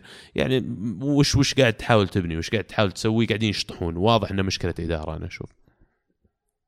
ما أشوف إنه مشكلة. اداره أتوقع لأنه ف- فريق زي البرشلونة يعني أتوقع ال- ال- المدرب اللي يحط الخيارات اللي يبغاها هو. آه، اذا إذا ما قال أبغى اللاعب بذاته فيقول أبغى لاعب في المركز هذا من المرشحين مثلا آه، فلان وفلان فلان اللي يقدرون يجيبونه يجيبونه. عرفت؟ ففي الأخير الخيار للمدرب نفسه. فالمشكلة اللي يواجهونها برشلونة مو من الإدارة قد ما هي آه، من تخطيط المدرب. و آه، بالنسبة لجوميز أنا أشوف إنه لاعب صراحة فنان بس إنه مو بقاعدين يستغلونه مو بقاعدين يعطونه ال- المركز اللي هو يبدع فيه. أهم مباريات الأسبوع الجاي الأسبوع هذا طبعا يوم الأربعاء ريال مدريد راح يلعب ضد فالنسيا أحد مبارياته المؤجلة. ومباريات الأسبوع الجاي ديبورتيفو ألافيس ضد فالنسيا ريال بيتيس ضد إشبيليا. ديربي إشبيليا هذه مباراة تنحط في ال- التوقعات ولا؟ ولا مجهز لها ما أدري نشوف. أتلتيكو مدريد وبرشلونة هذه برضو تنحط. إيه. هذه تنحط وفي عندك فيا ريال ريال مدريد. نذكر بجدول الترتيب. في ريال مدريد في الصدارة بعد الجولة 23 بس ريال مدريد عنده 4 21 نقطة ب 52 آه، 21 مباراة ب 52 نقطة. برشلونة في المركز الثاني ب 51 نقطة. اشبيليا في المركز الثالث؟ ب 49 نقطة. أتلتيكو مدريد في المركز الرابع ب 45 نقطة. الدوري الإنجليزي ما كان فيه جولة هذا الأسبوع آه، آه، لأن كان في جولة ال FA Cup أهم نتائج ال FA Cup كان آه، بيرنلي خسر من لينكن الفريق ال- ال non-league أول فريق ي- يوصل للدور الثمانية أول فريق non-league يوصل للدور الثمانية من آه، عام 1914 طبعا non-league يعني غير محترف. يعني أقل شيء في ترتيب الدوريات. ومو بس كذا يقول لك تحت بيرنلي ب 81 مركز لو تعتبرهم ال divisions. فوق بعض. من أول ما غيروا طريقة ال FA Cup الجديدة من 125 سنة تقريبا في عام 1915 إذا ما كنت غلطان. ولا فريق زي ما قلت المهند من الغير محترف وصل إلى دور ربع النهائي. السنة هذه جاية موضة في كمان أرسنال بيلعب ضد ساتن اليوم. ساتن فريق ثاني آه، non-league لكن المباراة نفسها حقت بيرنلي أحب أحكي عنها لأن أظهرت آه، نجاعه المدرب. أنت كنت قلت تكلمني عنه يا قبل. فعلا السنة الماضية كان كان آه، آه، مدرب PE مدرس PE أتوقع في أحد المدارس يعني. مدرس رياضة. مدرس رياضة فعلا. والحين يدرب فريق non-league وصل إلى دور الثمانية في ال FA Cup وحتى الأسلوب اللي استخدمه في المباراة فعلا المباراة كانت كان مباراة فرق صغيرة جدا. كانت كل دقيقتين ثلاث دقائق يتفننون في إيقاف اللعب لينكن. يتفننون في كل فاول كيف المدافعين يتقدمون ويصفون على خط منطقة جزاء آه، بيرنلي وسببوا لهم ربش كثير. كان عندهم لاعب طوله 195 وزنه 100 كذا واحد كبير بعير مو بآدمي ويرمون له الكور فوق ويتشعمطون عليه. اثنين ثلاثة لاعبين بيرنلي مو قادرين عليه ينزل الكره لغيره فكان عندهم plan عجبني هذا الشيء. وفعلا أثبت إن اللي سواه لستر السنة الماضية ما كان مجرد صدفة. الآن كرة القدم قاعد يصغر كثير الفرق بين المحترفين وغير المحترفين. وهذا شيء إيجابي بالنسبة لنا لأن لما أنا أعطيك كلاعب مئة ألف و200 ألف و300 ألف في الأسبوع المفروض أنك فعلا تصير عندك فرق عن غيرك. ملول يحقق المفاجأة ويفوز على ليستر مع إنه مطرود منه واحد؟ يعني من بداية الشوط الأول بالشوط الثاني عفوا. آه وقدر يحسمها في الدقيقة 90 برضو. آه هدرسفيلد يتعادل 0-0 مع مانشستر سيتي وراح تعادل المباراة. آه وولفرهامبتون يخسر 2-0 آه من تشيلسي تشيلسي أنا ما يبدو يعني داخل بتشكيلة قوية ويبغى يفوز بال- ال- ال- بالمباراة كان متحمس واضح. فولهام يخسر 3-0 من توتنهام توتنهام سجل لهم هاري كين هاتريك في هذه المباراة. وبيرنلي يخسر واحد اثنين من مانشستر يونايتد. ساتن وأرسنال يلعبون اليوم اللي يعجبني تدريب في هذه المباراة إنه لو لو فاز ساتن يصير نصف دور الثمانية بين اثنين non-leagues يضمن لنا واحد non-league في نصف النهائي ونشوف التاريخ يسجل يعني. في في نهاية الأسبوع هذا راح يكون في الدوري الإنجليزي آه راح يرجع طبعا ونذكر بأهم مباريات. تشيلسي راح يلعب ضد سوانزي. أرسنال راح يلعب خارج ارضه ضد ساوثهامبتون لكن مباراه مؤجلة فعلا لأن ساوثهامبتون راح يلعب آه نهائي ال League Cup.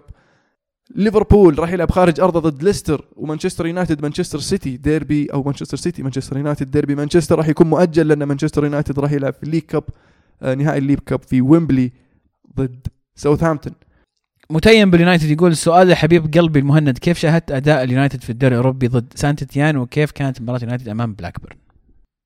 والله مباراة ال- ال- ال- ال Europa League ضد سانت إتيان كان اليونايتد يعني في الشوط الأول متحفظ شوي. آه، لعب هادي ما كان فيه ال- ال- ال- الضغط. حتى واضح آه، شاف الشيء هذا مورينيو.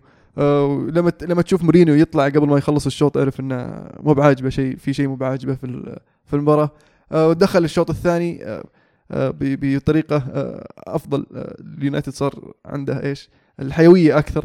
وقدر يسجل هدفين وزلتان طبعا أول هاتريك له مع مع الفريق. شيء كويس. يعادل. والله هاتريك تسليكي. اي واحد واحد خبط في المدافع وواحد بلنتي وواحد قدام المرمى. كذا tap إيه tap. بس يعني آه، جاب ال hat-trick. hat-trick يستاهل. يعطيه العافية. طيب آه على ما يبدو في ناس مزعلهم أنت يا المهند. يعني؟ كالعادة يعني مو شيء جديد. ليه؟ آه عبادي يقول شبيحة المو أو يعني مورينيو ينتظروا ينتظرون اعتذار رسمي من المهند لما بدر منه تجاه مورينيو بداية الموسم. أوف يا ساتر. وأيضا أوكي. وأيضا فيه جوزيه مورينيو مشاركنا بنفسه يقول أوف. أظن أن المهند مدين لي باعتذار منذ بداية الموسم وكذا أتذكر أنكم اتفقتم في بداية الموسم على أنني مفلس تكتيكيا فأين اعتذاري؟ أول شيء أنا ما قلت أن مورينيو مفلس يعني تكتيكيا إذا قلت هذا عبد الشيء الله فأنا عبد الله. عبد الله قال شفت لا تغير الموضوع عزيز حلو. آه اللي قلت أنه في الفترة هذيك المورينيو مورينيو ما كان يعني يعرف ال- أفضل 11 لاعب عنده في هذيك الفترة وما زال كان قاعد يشكل ويجرب يحاول يعرف آه وش الطريقة المناسبة اللي يلعب فيها بال- باللعيبة اللي عنده.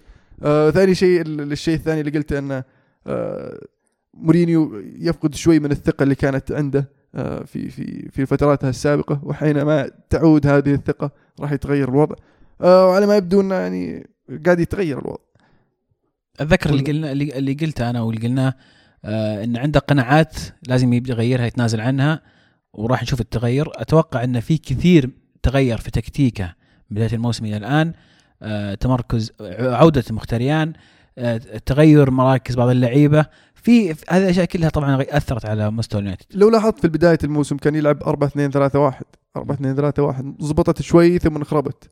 وكنا نقول لازم يلعب 4 3 3 يوم لعب 4 3 3 ضبطت معه الأمور. شوي شوي شوي رجع الطريقة اللي هو يبغى يلعب فيها 4 2 3 1 انه لما لما بدا الفريق ياخذ عليها بدا هو يعني آه، يعرف يوزع المهام على اللعيبة يعرف وش كل لاعب وين مركزه آه، أو مين أفضل لاعب في كل مركز ما عدا الظهير يسار ما ما بعد أقتنع فيه.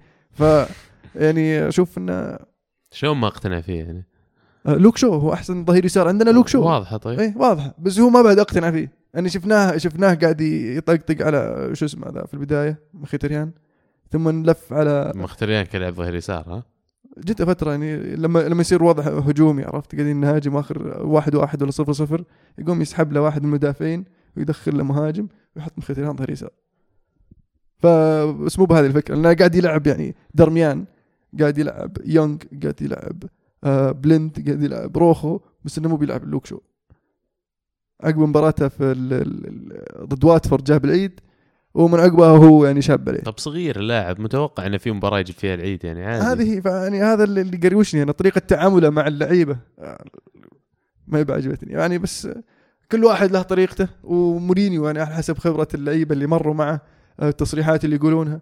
وإذا أنت بتثق مورينيو بتحط ثقتك فيه أزهلها. وضعك بيصير كويس. إذا إنك بتعصلق معه وتلف وتدور يعني وانت بتتعب نفسك وفي الأخير أنت مستفيد ولا أنت مفيد؟ طب مات من العينات اللي ما عصلقوا معه يا أخي. ها شوف شوف ماتا الحين معنا. بس استقعد له. إيه. في الناديين استقعد والى الآن وهي لعبة بس لا, لا استقعد له هناك وقرر يمشي. شوف الحين استقعد له لكنه ماشي معه. مشى معه شوفه قاعد يلعب. ما بيلعب كل مباراة بس لما يلعب يأدي. هو ثاني ثاني يعني هدافي اليونايتد يعني يعتبر. من ناحية المشاركات في الأهداف التهديف و... وصناعة الفرص. طيب سيتيزناوي تاريخي يقول توقعاتكم لبطل كأس الاتحاد الإنجليزي وتوقعاتكم لقمة ربع نهائي الكاس مانشستر يونايتد امام تشيلسي بالنسبة لي أشوفها تاريخية لتشيلسي. ما القرعة القرعة الدور الثمانية وقعت اليونايتد في تشيلسي في ستامفورد بريدج. آه، ما أتوقع إنها راح تكون تاريخية يعني آه، تشيلسي الأقرب يعني زي ما قال مورينيو اللي نادي تشيلسي خلص. آه، الدوري ختم عليه وما عنده شيء يقاتل عليه غير ال FA Cup قال كذا مورينيو. إيه. نعم. شوف يعني شكله ف- يجيبك ال mind games يا أخي اللي يسويه. والله لا كذا زبطنا. كويس. خله يفتح صراع الدوري. فبيركز على ال FA Cup بينما اليونايتد راح يكون عنده ال- ال- ال League Cup راح يكون عنده ال Europa League والمنافسة على ال- ال- المراكز الأربعة الكبار فعنده أشياء كثير يفكر فيها. فيعني آه، فعلا تشيلسي الأقرب في هذه المباراة لكن ما أتوقع بفرق كبير. صدقني إذا في واحد في لاعب تشيلسي فكر إنه يهدي شوي بيجلده كونتي إلين يفوزون بالدوري. وهذا ال plan بس عندهم هم فرصة إنهم يحققون ال double الثنائية الدوري مم. والكاس. مم. وزي ما قال مهند هم قادرين إنهم مثلا يريحون لاعبينهم في مباراة الدوري عشان يكون على أقصى جاهزية في ال FA Cup. يونايتد ما يقدر يسوي الشيء هذا. بس حتى أنتم ما عند... آه لا عندكم صح المباريات يوم الخميس مع آه، إيش؟ سان مين؟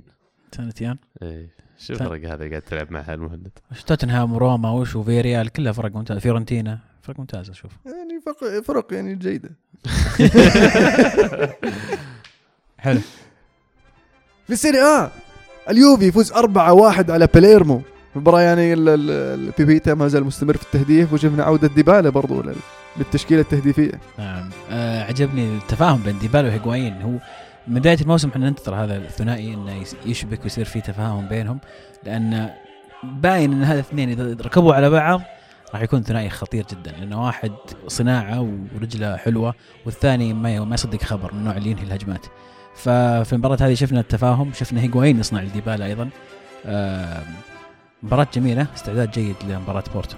آه هل تشوف إن السبب ركوبهم مع بعض إنه صار يلعبه وراه هيغوين صار يلعب ديبالا وراه هيغوين؟ اي أكيد هذا الدور هذا عامل نعم لكن أيضا الوقت. يعني تعرف لما تلعب أكثر من مباراة مع مع مع نفس اللاعب كذا مرة تبدا تتعود عليه. بالذات إن هذه المباراة ما كان فيها مانزوكيتش فيمكن اضطر إنه الحل الوحيد هيغوايين أتلانتا يستمر في الإبداع والامتاع بصراحة أتلانتا أنا يعجبني الفريق هذا قاعد يؤدي أداء مرة يعني مرة يعني ما أدري شو أقول. ولعيبة يعني عندهم لعيبة شباب مرة كثير يا أخي. ومع ذلك قاعدين يبدعون. يعني شوف نشوف لعيبة عندهم ع- فرق عندهم لعيبة يعني. على أسماء وأشكال وألوان وأسعار. وأسعار. أي. ولا يسوون اللي يسوونه اتلانتا يا أخي. المركز الخامس الآن اتلانتا يعني مركز يحاربون عليه كثير الأندية ال- ال- الكبيرة لكن Europa League فيها يا رجال. إيه فيها Europa League. لا فريق ممتع جدا بقيادة جوميز. إمبولي يفوز يخسر واحد اثنين ضد لاتسيو. لاتسيو ما زال قاعد يعني يضغط على ال- ال- المراكز ال- ال- ال- خلينا نقول الأربعة. وقدر يقلب المباراة بعد لاتسيو يعني هم كويس. لا، سيميوني اللي مدرب يعني ما كان ما كان عارف إذا هو بيدرب النادي ولا لا يقدمون م- موسم ممتاز صراحة. الخمسه ال- سيميوني إنزاجي قصدي يعني. إنتر ميلان يفوز خارج أرضه ضد بولونيا 1-0 شفنا جابيجول، يسجل أول إيه. هدف له. مبسوط طاير إيه. يفسخ الفنيلة إيه. وبغى يطب عند عجبني يا. أخي احتفاله مو بس على سالفة فسخ الفنيلة ما تعجبني بشكل عام مم. لكن عجبني موضوع إنه أول ما سجل هدف راح لل ultras حق النادي اللي ورا المرمى وراح يحتفل معهم فوراك إنه قد يكون لاعب قريب لنفس الجماهير يبغى يصير محبوب بين الجماهير يبغى يصير له صوت يمكن نشوف له مشاركات بشكل أوسع خلال لنهاية الموسم يعني يحتاج يشارك أكثر طبعا لاعب لاعب موهوب ممتاز شفناه يعني قبل ما يجي الانتر يحتاج فرصة يحتاج فرصة. يمكن غياب إيكاردي هذا أعطاه أعطاه مساحة أكثر للمشاركة. إريك جريتس يقول هل أصبح الإنتر يتيم من بعد مورينيو؟ ومتى سيعود لبطولات الإنتر يحتاج بطولة لو زي الجار سوبر؟ أتوقع لازم يفوز بالكاس أو يوصل النهائي على الأقل عشان يوصل لنهائي السوبر. آه في الفترة هذه آه، ما زال في الكاس ولا طلعوا؟ لا طلعوا طلعوا. طلعوا. فأتوقع المشوار شوي أطول من آه، المتوقع. آه، لكن قاعدين يأدون أداء طيب في الفترة الأخيرة. مع المدرب الجديد وأشوف إنه ممكن ممكن يوصلون إلى شيء فعلا. بيرلي يقدم معاهم مسيرة جميلة عشر عشر انتصارات من آخر التسع مباريات. الخسارة الوحيدة كانت أمام اليوفي. ف بالعكس آم، يعني السلسلة انتصارات ممتازة للإنتر. نابولي يفوز خارج أرضه 3-1 على كييفو فيرونا وشفنا آه، إنسيني ويسجل وشفنا برضو هامسك يسجل. يعني العناصر المهمين في الفريق آه، ما زالوا قاعدين يقدمون الأداء الكبير. وزيناليسكي كان في الدكة ودخل وسجل آه، ف اللي يعجبني في في نابولي هذا الموسم إنه ما صار يعتمد على مهاجم أو لاعب واحد في التهديف. أذكر كنت تقولها في الموسم الماضي أيام هيغوين إنه لما يصيرون يعتمدون على ما يعتمدون على هيغوين في التهديف آه راح يصيرون المراس يعني مراكز آه آه متقدمه أكثر راح ممكن ينافسون على الدوري. أشوف إن هالمرة صاروا ما يعتمدون على شخص معين في التهديف كلن قاعد يهدف بس يعني لسه في في شيء ناقص. ميلك أتوقع عودة ميلك راح تكون مهمة لهم سواء أساسي ولا كلاعب احتياط. وجود هذا الحل أو هذا الخيار مهم جدا لنابولي واستمرار ميرتنز على المستوى العالي اللي قدمه. زي ما قلت إنسيني يسجل كاليخون يسجل آه، ميرتنز يسجل هامسك آه، زيلينسكي الفريق كله يعني عنده عنده نزعة هجومية عند ممتع الفريق. ف تعزيز محافظة على النجوم والموسم الجاي راح يكون نابولي خطير. روما يفوز 4-1 على تورينو. والله اجلدوهم صراحة. روما يخوف صراحة هذا الموسم. وش جايهم ثاني أربعة على التوالي. آه، وده زيكو. زيكو كان. جايب العيد وشابين عليه لازم يطلع الحين صار صار هداف هداف الدوري صق- صقعوا في ريال أربعة في أسبانيا. فالفريق قاعد يقدم أداء رائع عشان صراحة. عشان توضح بس للمتابعين آه، روما فاز 4-0 على فيا ريال في اليوروبا ليج يعني. إيه. آه، عشان بس اللي مو بشابك في السالفة. ما أدري هي بطولة أنا ما أتابعها صراحة بس يعني يمكن تتابعها أكثر. اي نعرفها زين. لكن روما طبعا 3 5 2 هذه الخطة اللي يعتمدها الآن سباليتي. ناينجولان دائما موجود ورا المهاجمين. محمد صلاح بادوار هجومية رائعة. وجاكو لازم نتكلم عن هذا المهاجم اللي يعني رجعنا نشوف جاكو أيام آه، فولفسبورغ. فولفسبورغ ف- عودة صلاح يعني كانت مهمة في ال في ال الأداء الهجومي اللي قاعد يسويه روما. أتفق إيه. مع علمه فعلا صراحة. الهجمات المرتدة بالذات كانت أول ما يقطع كورة من المدافع أو أول ما يدفون له كورة through. تلاقي فعلا ال- ال- السرعة حقتها صعب التعامل معها وبغى يسجل أكثر من ال- ال- اللي سجله لكن ال- القائم وقف طريقه. هارت أنا صراحة الومه في يمكن هدفين أو ثلاثة من الأهداف. الهدف الأول حق جاكو كانت أرضية خفيفة كانت قريبة منه. هدف محمد صلاح كان في نفس زاويته اللي واقف فيها. هدف آه، باريدس من بعيد وأيضا في زاويته. الهدف الرابع نقول يعني okay خلاص يعني فقد الأمل. لكن ما ظهر بالمستوى الممتاز. أيضا دفاع توري- تورينو من بدأت السنة هم مستواهم مهزوز وراح قاعد يفقدون مراكز كثيرة. ميلان يفوز 2-1 على فيورنتينا. المباراة شهدت برضو تسجيل آه، ديلوفيو في هذه المباراة. آه، المباراة اللي راحت سوى assist قاتل. آه، ال- ال- المباراة هذه سجل هدف ال- ال- الفوز. المباراة خلصت في نص ساعة. ميلان جابوا. جول جابوا التعادل على طول. بعدين جابوا الفوز ميلان وخلص المباراة. ال- الغريب إن ميلان ما كان الأفضل في المباراة هذه. فيورنتينا كان في أغلب فترات المباراه الفريق الأفضل لكن شخصية الميلان شفناها أكثر من مرة الموسم هذا بالذات. يمكن آه، آه، هذا أثر مونتيلا واحد الأثار المهمة اللي جابها مونتيلا للفريق. آه، حتى الفريق هو نازل مستواه ولا ما يقدم مباراة جميلة يقدر يخطف الفوز. شفناها المباراة الأخيرة يوم كانوا بتسع لعيبة. ضد بولونيا نعم. ضد بولونيا. شفناها في المباراة هذه أيضا آه 2-1 وخلاص انهي المباراة. يمكن فيورنتينا ما كان ما كان محظوظ إنه يجيب التعادل لكن تحسب لشخصية الميلان الشخ- الشخصية هذه ثلاث نقاط مهمة للميلان. وما زال يا أخي ما يبغى يبدأ بلابادولا أنا مو فاهم ليش. في مباراة وسط الأسبوع لعبوا الميلان مع لاتسيو لعبوا 4 3 3 وكان الثلاثي ال- اللي في الأمام مكون من آه سوسو آه ديلافيو واللاعب الجديد اوكامبوس حتى يعني ما حط مهاجم لا لا لابادولا ولا الثاني اوكامبوس باكا. جناح ترى كان. يلعب أساسا إيه. حتى كان مع موناكو إذا ما كنت غلطان ذاك الوقت فلعبهم الثلاثة أمام ديلافيو كان في النص فيعني false nine زي ما أو آه، لاعب آه، مهاجم غير صريح فقاعدين نشوف إنه قاعد يختبر أشياء جديدة باكا في المباراة هذه يعني لو عمر موجود كان قال لكم كان سيء جدا لا يشارك في في ال- الأدوار الهجومية ولا الأدوار الدفاعية ولا ولا أي شيء كأنه ما له خلق يلعب. وهو الشيء اللي كنا دائما نحكي عنه إنه فعلا باكا مهاجم ممتاز داخل منطقة الجزاء. لكن في الحالات اللي أنت ما أنت بقادر توصل منطقه جزائهم أنت يا باكا وش قاعد تقدم لي في طريقة اللعب؟ صح. وأتوقع ولا الزمان على فترات اللي نقدر نحط مهاجم لأنه يقدر يسجل في أي دقيقة في الملعب آه، في, ال- في أي دقيقة في المباراة. لا الآن لازم عندي المهاجم يشارك في اللعب يشارك في بناء الهجمة ويشارك حتى في الواجبات الدفاعية. فما صحيح. عجبني كثير. حلو. نذكر بأهم المباريات الأسبوع القادم بالنسبة للميلان آه، بالنسبة للسيريا. نابولي راح يلعب ضد أتلانتا واليوفنتوس راح يلعب ضد إمبولي. ساسولو أمام إي سي ميلان وإنتر ضد روما. هذه المباراة الثالثة لقيناها. نذكر بجدول الترتيب في الدوري الإيطالي بعد الجولة 25 يوفنتوس في الصدارة ب 63 نقطة روما في المركز الثاني ب 56 نقطة نابولي في المركز الثالث ب 54 نقطة أتلانتا في المركز الرابع ب 48 نقطة إنتر في المركز الخامس ب 48 نقطة لاتسيو في المركز السادس ب 47 نقطة ميلان في المركز السابع ب 44 نقطة. والله يعني ملحمين في بعض أي واحد يتعثر راح يخسر مركزه. فعلا صراع حامي. آه ودي أذكر نقطة. بسكارا اللي مدربهم آه، ماسيمو أودو استقال بعد المباراة الأخيرة بعد خسارتهم الأخيرة.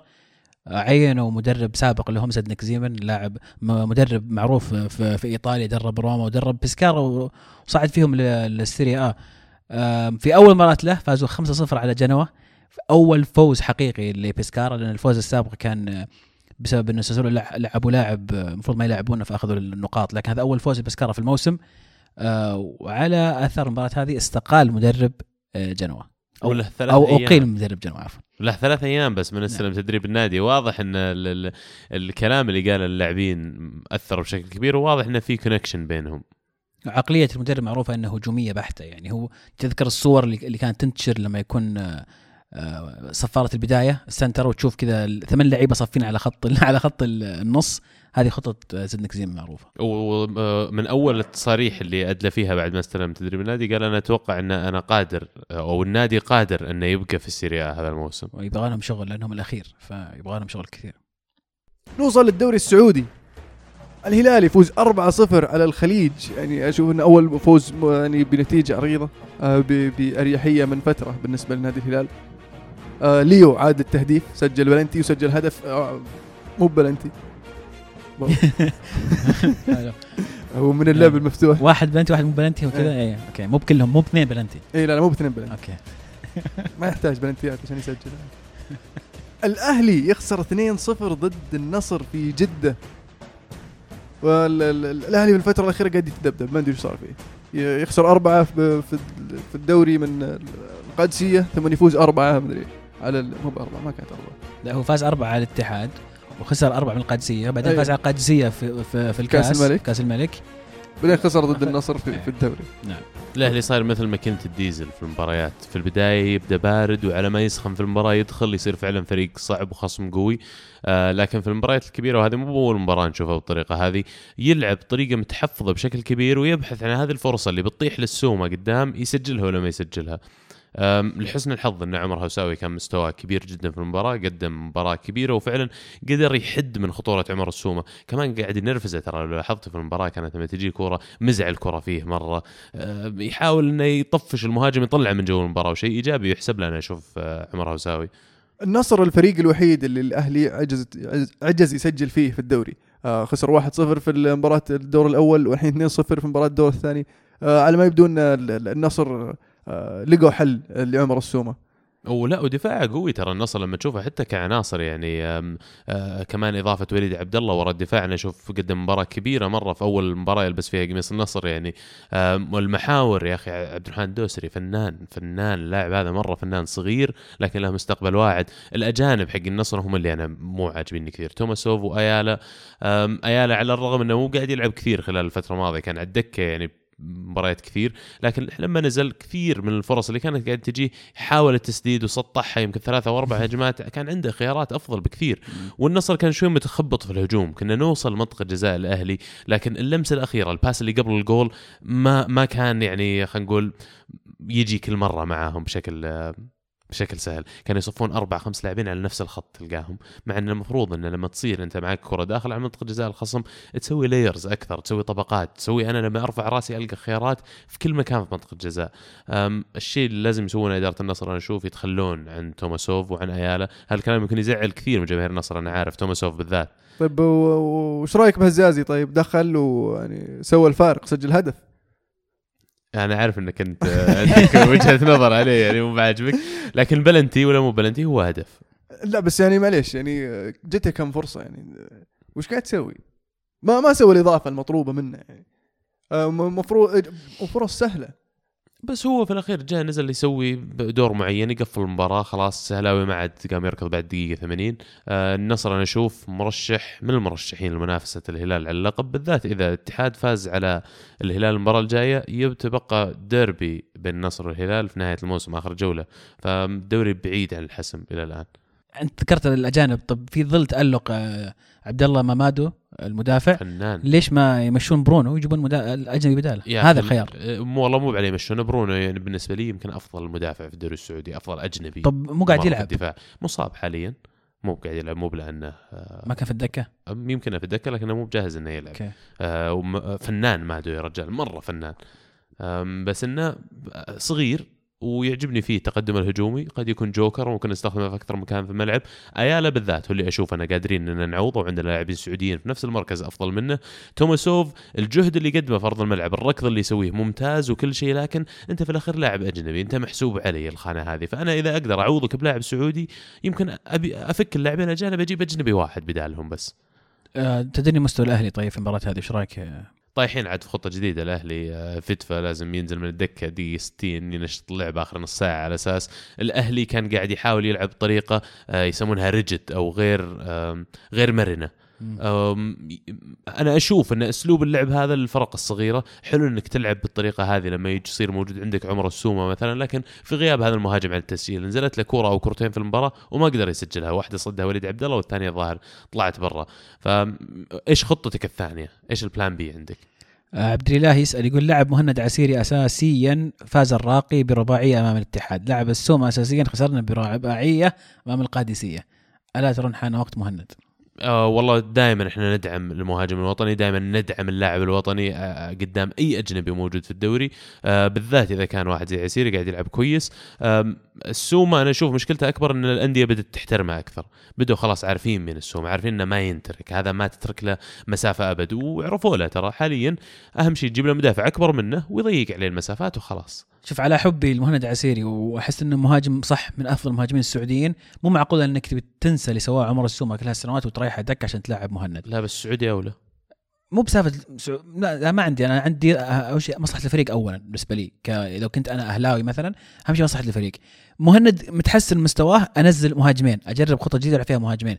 مو مو مضطر إني أطلع عمر السومة اللي له موسمين ما ما وقف عن التسجيل عشان أعطي فرصة لمهند. مهند تحسن مستواه لعبهم اثنينهم. معك لا لا. لا. إذا نزل. مستواه إذا نزل مستواه السومه مو بقاعد يسوي شيء مو بقاعد يسوي الفارق المباراة الجاية ما لا تلعب. بس المباراة اللي قبلها مسجل عمر السومه مو يعني ما مو باللي يعني فترة ما سجل ولا أنا. في مباراة واحدة ما سجل أو مباراتين تصير عادي. لكن إذا فعلا نزل مستواه نعم أنا معكم أكيد نعطيه مو بس مهند أي واحد مهاجم بديل نعطيه فرصة. لكن إذا اثنينهم كويسين ليش ليش أض- أضطر غصب إني ألعب مهاجم واحد؟ أسوي له توليفة هجومية بحيث إنه في مهاجمين يتحركون. ممكن أحد يلعب على الطرف واحد يلعب ورا الثاني. والله أتفق معك بالذات إنه زي ما قلت واحد لاعب كبير زي كذا ما تقدر إنك بس آه، تتجاهل المجهود اللي قدمه والاهداف اللي سجلها للنادي. الشباب يخسر على أرضه ضد الاتحاد 2-0 المباراة يعني الحر الحر الحارس يعني حق الشباب قاعد يجيب فيهم العيد الهدف الأول كان يعني مبدع إلى دقيقة 60 بعدين خرب كل شيء. خرب كل إبداعه. يعني شفناه مباراة ال- ال- ال- المباراه الماضيه واللي قبلها بعد حركات ال- اللي يوم طلع بي- بيسحب المهاجم شو مسوي. آه الشباب لا طعم لا لون لا رائحة يعني فريق منهار منهار جدا. شيء شيء شيء يضيق الصدر صراحة. فترة تبديل جلد أتوقع شيء إيجابي إن الشباب لما آه، جو نجوم طلبوا يطلعون ما وقفوا في وجه احد تبغى تطلع؟ إحنا عندنا نعطيك العرض الفلاني على الطاولة توافق عليه ولا توكل على الله مع العرض اللي يناسبك؟ آه، قد تكون نعمة بالنسبة للشباب إنهم يبدون فريق آه، صغار في السن وعندهم مستقبل يعني وبالذات اذا تمسكوا مدربهم. الاتحاد قدم مباراة جميلة. يعني صح إنها يعني الشباب ما هو الآن في وضع ممتاز لكن أيضا مباراة آه، اللي قدمها الاتحاد كانت مميزة. آم، تميز فيها كهرباء آه، سجل هدف. عودته مهمة. عكايشي كان مزعج جدا لدفاعات ال- الاتحاد. كان في تألق كبير من من الحارس رغم إنه في بداية المباراة إلى الدقيقة 80 الظاهر أو 75 ما كان في هجمات شبابية لكن فجأة الشباب جاتهم كم هجمة. وعساف القرني كان آه، في الموعد أيضا صد البلنتي فقدم مباراة كبيرة أيضا. كانت مباراة كانت جولة حراس الجولة هذه. والاتحاد مشكلتهم إن عندهم starting 11 أو 11 لاعب ممتازين أول 11 لكن ما عندهم دكة ما عندهم بديل. والمشكلة هذا راح يأثر على آه، مستوى الأساسي على المدى الطويل لأنك مو قاعد تريحه مو قاعد تسوي أي مداورة بين اللاعبين. ريان يقول بعد هذه الجولة غيرتوا رأيكم إن ما في غير العويس؟ وإيش شعورك يا مهند بعد ما شفت وليد بعض الناس كانوا يقولون انه أسوأ من المعيوف. لا شوف وليد يعني ترى من الحراس اللي يعطيك مباريات يأدي في مباريات لكن مشكلته ما عنده الاستمرارية. يعني تجيه تجيه مباراة مباراتين يكبك في مباراة يعني آه، آه، مصيرية ويجيب يجيب فيها العيد. أنا ما أبغى حارس كذا متذبذب مستواه.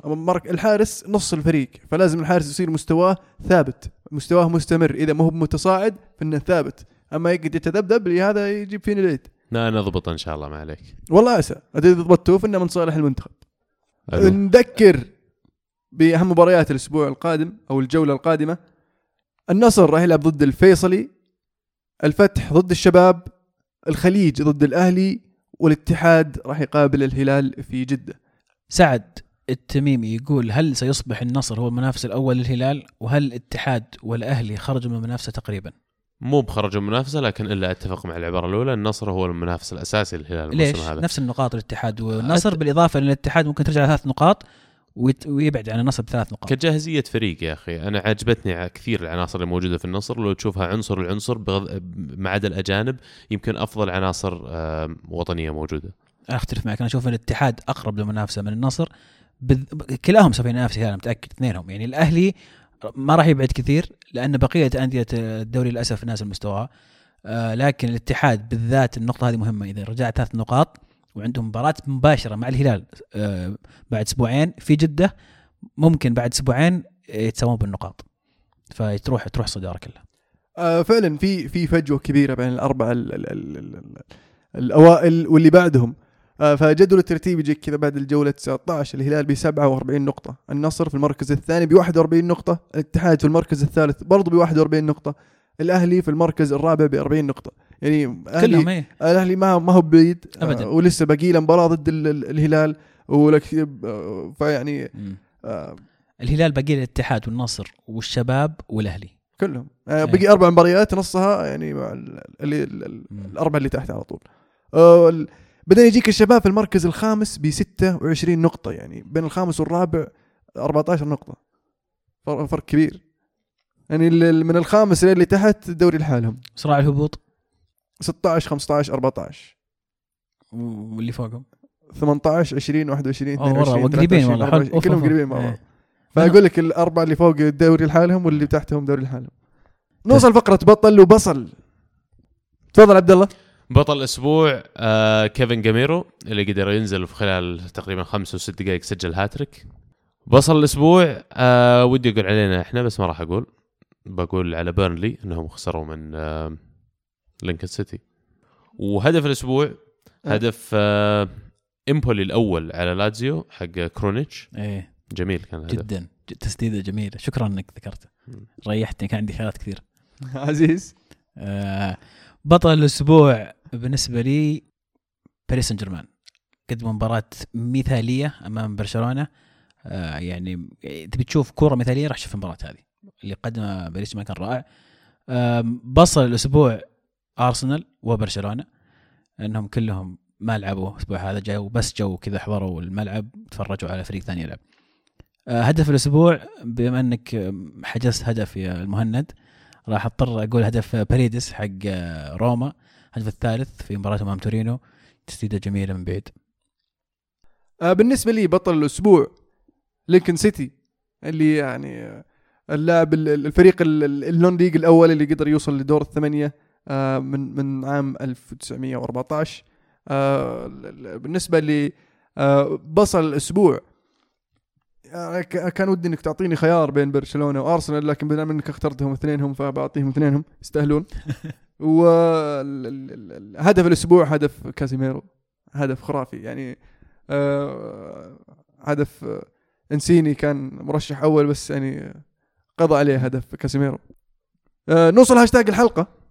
هاشتاج الحلقة نبغى نسمع وش مشاركات في هاشتاج الحلقة. زيزوسكي يقول أعطونا أسوأ كلمة أو وصف بالنسبة لكم في الكورة أو برا الكورة مثل مطبل منفوخ فقاعة إلى آخره. والله يسعدكم على برنامجكم الأكثر من رائع أنا بالنسبة لي يعني الاسوء ال- ال- المقولات اللي هي آه لما يجيك المعلق يقول لك آه، الفريق الفلاني دائما متقدم آه لأنه مو دائما متقدم. في هذه المباراه يذكر فريق ألف متقدم على الفريق باء فيقول لك فريق ألف دائما متقدم. ولا اللي يقول لك الفريق باء متأخ متخلف عن الفريق ألف يعني متأخر.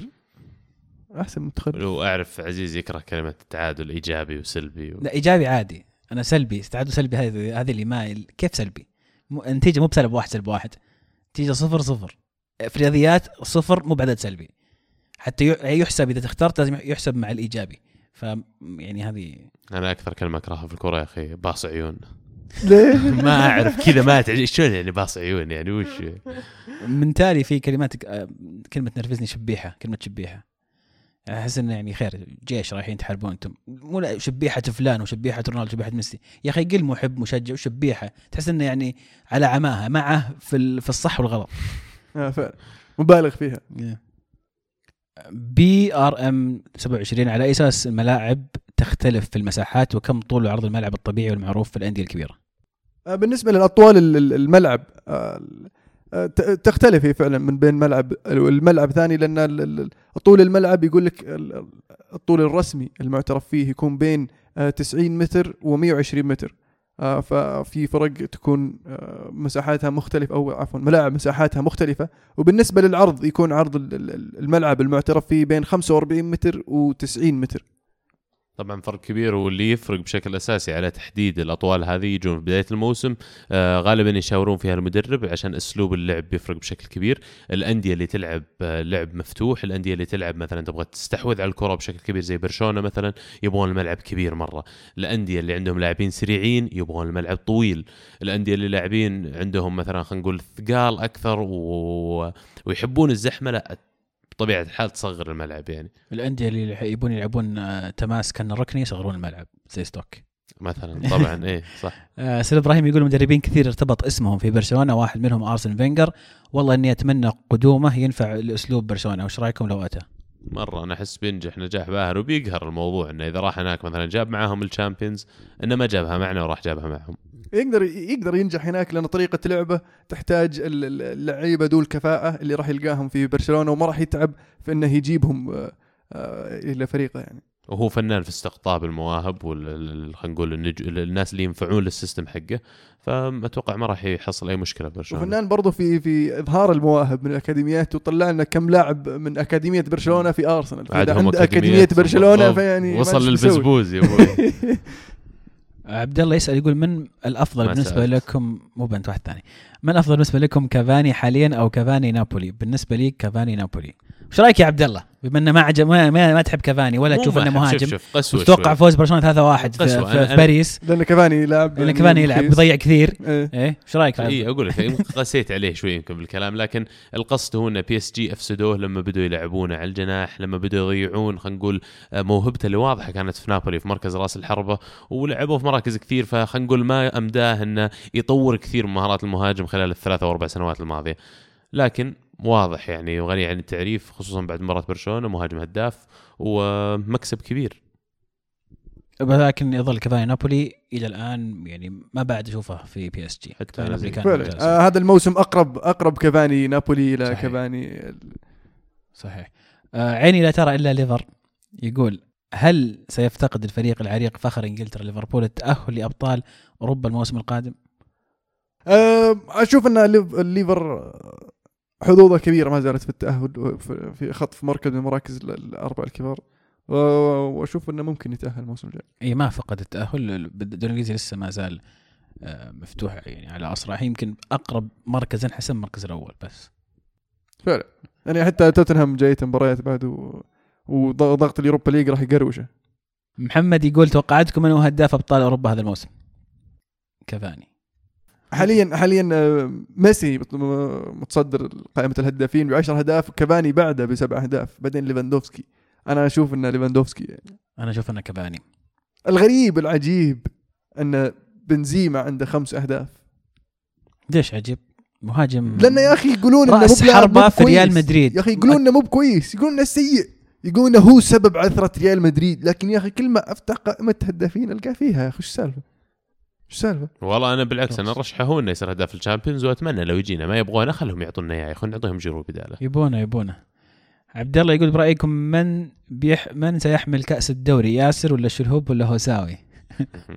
أنا تعجبني الثقة المفرطة هذه لأن إيه. هي اللي تخسرك الدوري ترى فعلا فيعني الدوري ما بعد خلص تونا وتفكر بهذا الشيء فكروا إيه فكروا من بيشيل الكأس بدري. عليه جدا بدري جدا ما تفرق إن شاء الله لو يشيلها نفرج عبد الله يقول أكثر مباراة منتظرها هالموسم. إذا فعلا رجعت المنافسه على الدوري السعودي واقترب النصر أكثر من الهلال المباراه الختاميه للدوري بين النصر والهلال. آه ألمو. Europa League هم سنة نهائي ال Europa League. إذا وصلنا له إن شاء حلو الله. أنا أنتظر نهايه Champions League إن شاء الله. بغض النظر من يكون فيه يعني مو قاعد أقول يعني بس إنه أحمد يقول إيش سبب العداوة بين اليونايتد وليفربول وكيف فريق يكون غريم تقليدي للفريق وهل يكون من نفس المنطقة أو بسبب حدث تاريخي؟ هاي تكلمت عنها في في ال Snapchat. صح يا أحمد تابع Snapchat لو سمحت. فالسبب آه، الأسباب تختلف بين بين كل نادي ونادي. فهناك السبب ال- آه، السياسي مثل برشلونة وريال مدريد. هناك السبب الديني مثل آه، رينجرز وسلتك هناك السبب ال- ال- كروي. مو بكروي. زي انتر و- مو بكروي. هذاك. هذاك اختلاف عنصري خلينا نقول.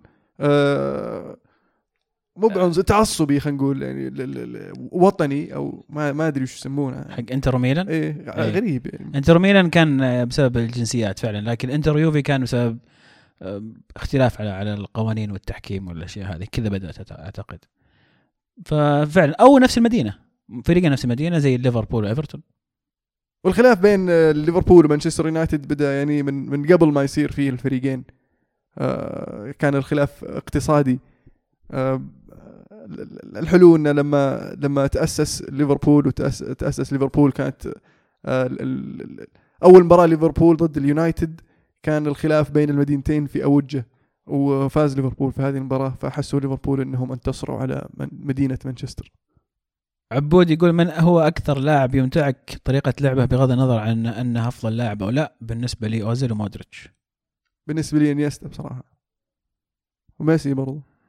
إي أنا لعيبة وسط ذولي المبدعين آه، فيراتي مثلا آه، إنيستا ميسي إذا رجع ومخمخ. ميسي في كل مكان خلينا عنك بس. رونالدو. ماركيزيو. ماركيزيو فعلا. طيب. أيضا أحمد يقول ما هي أكثر كذبة أو إشاعة انتشرت عن فريقك؟ اصدموني بالاجوبه عودة رونالدو. فينجر بيمشي. الكالتشيو بولي كلها أصلا آه، كذبة وإشاعة و... أوف أوف وكان تصريح كبير والله والنتائج تدل عكس كذا يا أخي. نتائج إيش؟ العقوبات والأشياء اللي صارت يعني. تابع تابع تحقيقات تعرف إنها صدق كذبة طلعت. في الأخير أثبت إن ما في أي شيء يعني غلط على اليوفي الحين ولكن اليوفي يطالب الاتحاد الإيطالي ب 400 مليون تعويض إي طيب sorry بس و- ما ولحظه في بس نقطة ما في خطأ على اليوفي ولا اليوفي ما سوى شيء غيره ما سواه صحيح إي في فرق بين إي. ما في شيء ما في شيء يعني إذا بتعاقب كل أحد ولا ما تعاقب أقول. في فرق بين الاثنين إي. يعني مثلا الإنتر ليش ما رفع قضية على الإنتر بس إنه بسبب مرور خمس سنوات في قانون التقادم ما عاد يقدرون يعاقبوا الإنتر لأنه مر خمس سنوات ولا كان أيضا يستحق الإنتر كل الفرق تستحق ما بس تتع- د- د- مو معناته إن اليوفي ما أخطأ فيها. لا لا هم يقولون إحنا ما أخطأنا لأن ما سوينا شيء ما حد سواه غيرنا. فإذا أنتم تشوفون الناس الثانيين ما سووا شيء إحنا ما سوينا شيء. ما عليك من غيرك يا أخي أنت خليك في نفسك يعني. أنا في نفسي أنا ما سويت شيء غلط. هذه هي فهمت؟ بس ما قال كذا القضاء. إذا كذا أنت تلعب فليش تقول أنا غلطان؟ يعني هذا هو. إذا كذا هو النظام عندك ليش بس أنا الغلطان؟ ولا يعني لو نروح بكرة إحنا الثلاثة ونزرف لنا محل كذا ونطلع ومسكوا واحد مننا وعاقبوه هل معناته إنه ما أخطأ؟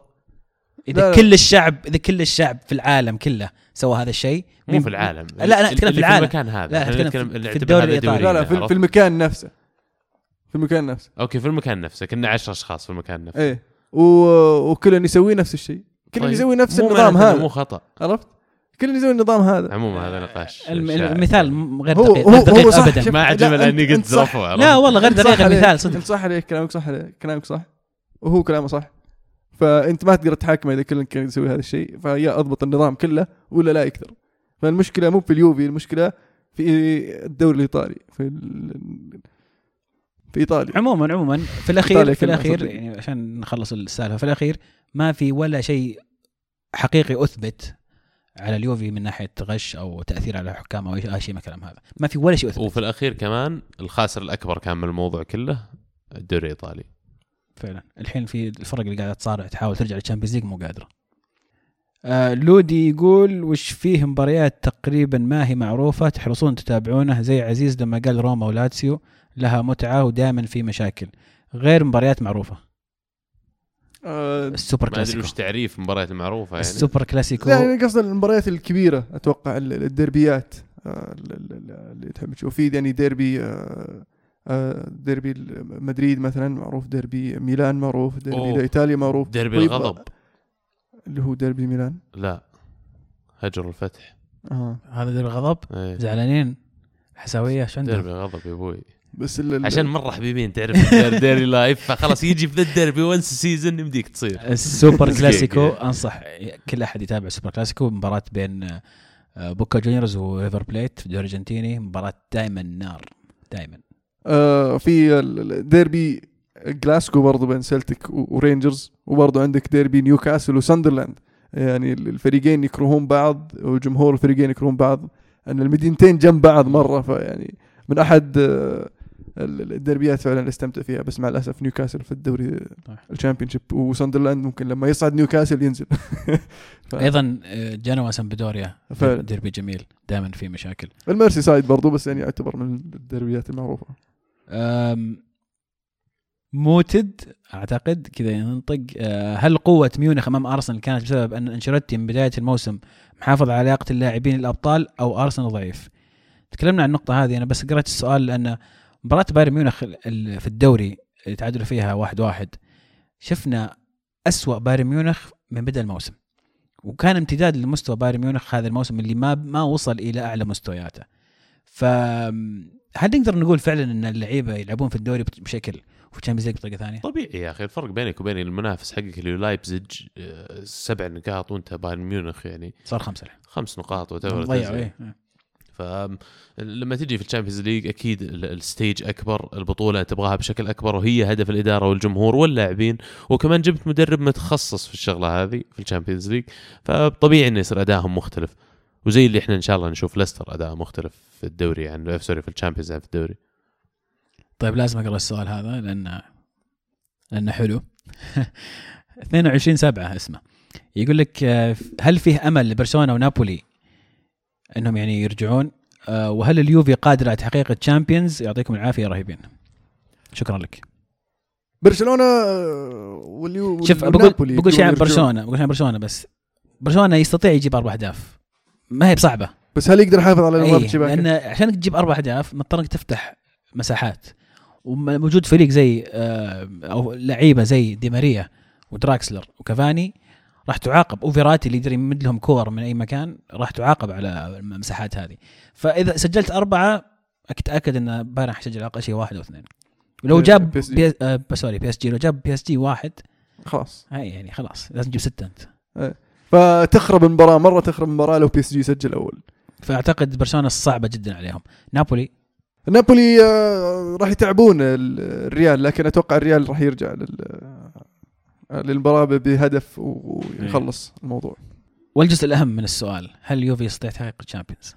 أكيد يستطيع. آه، عنده اللعيبة عنده العناصر عنده المدرب. صح المدرب ما قد فاز لكن آه، قدر يوصل للنهائي قبل في أول موسم له. صح إن العناصر تغيرت لكن أتوقع آه، قدر يوصل للمرحلة إنه يقدر يوصل الفريق اللي اللي تغير عليه إلى ال- ال- ال- النهائي ال Champions League. ويعني شفنا فريق فرق تسلك له. أنا ما يعني- أتصور الامانه يحتاج لكم لاعبين يا أخي عشان Champions يبغى لكم وسط جامد واحد جامد جامد يضبط لكم الوسط أجل يعوض. مو مثل بوجبا بس يعوض خروج واحد بوزن بوجبا ويحتاج لكم جناح فنان. جناح اتكلم على مستوى عالي واحد تكلم إنه من أطلق الأجنحة الموجودة. عشان كذا سانشيز بيكون خيار ممتاز يعني. ينقل الفريق نقلة نوعية.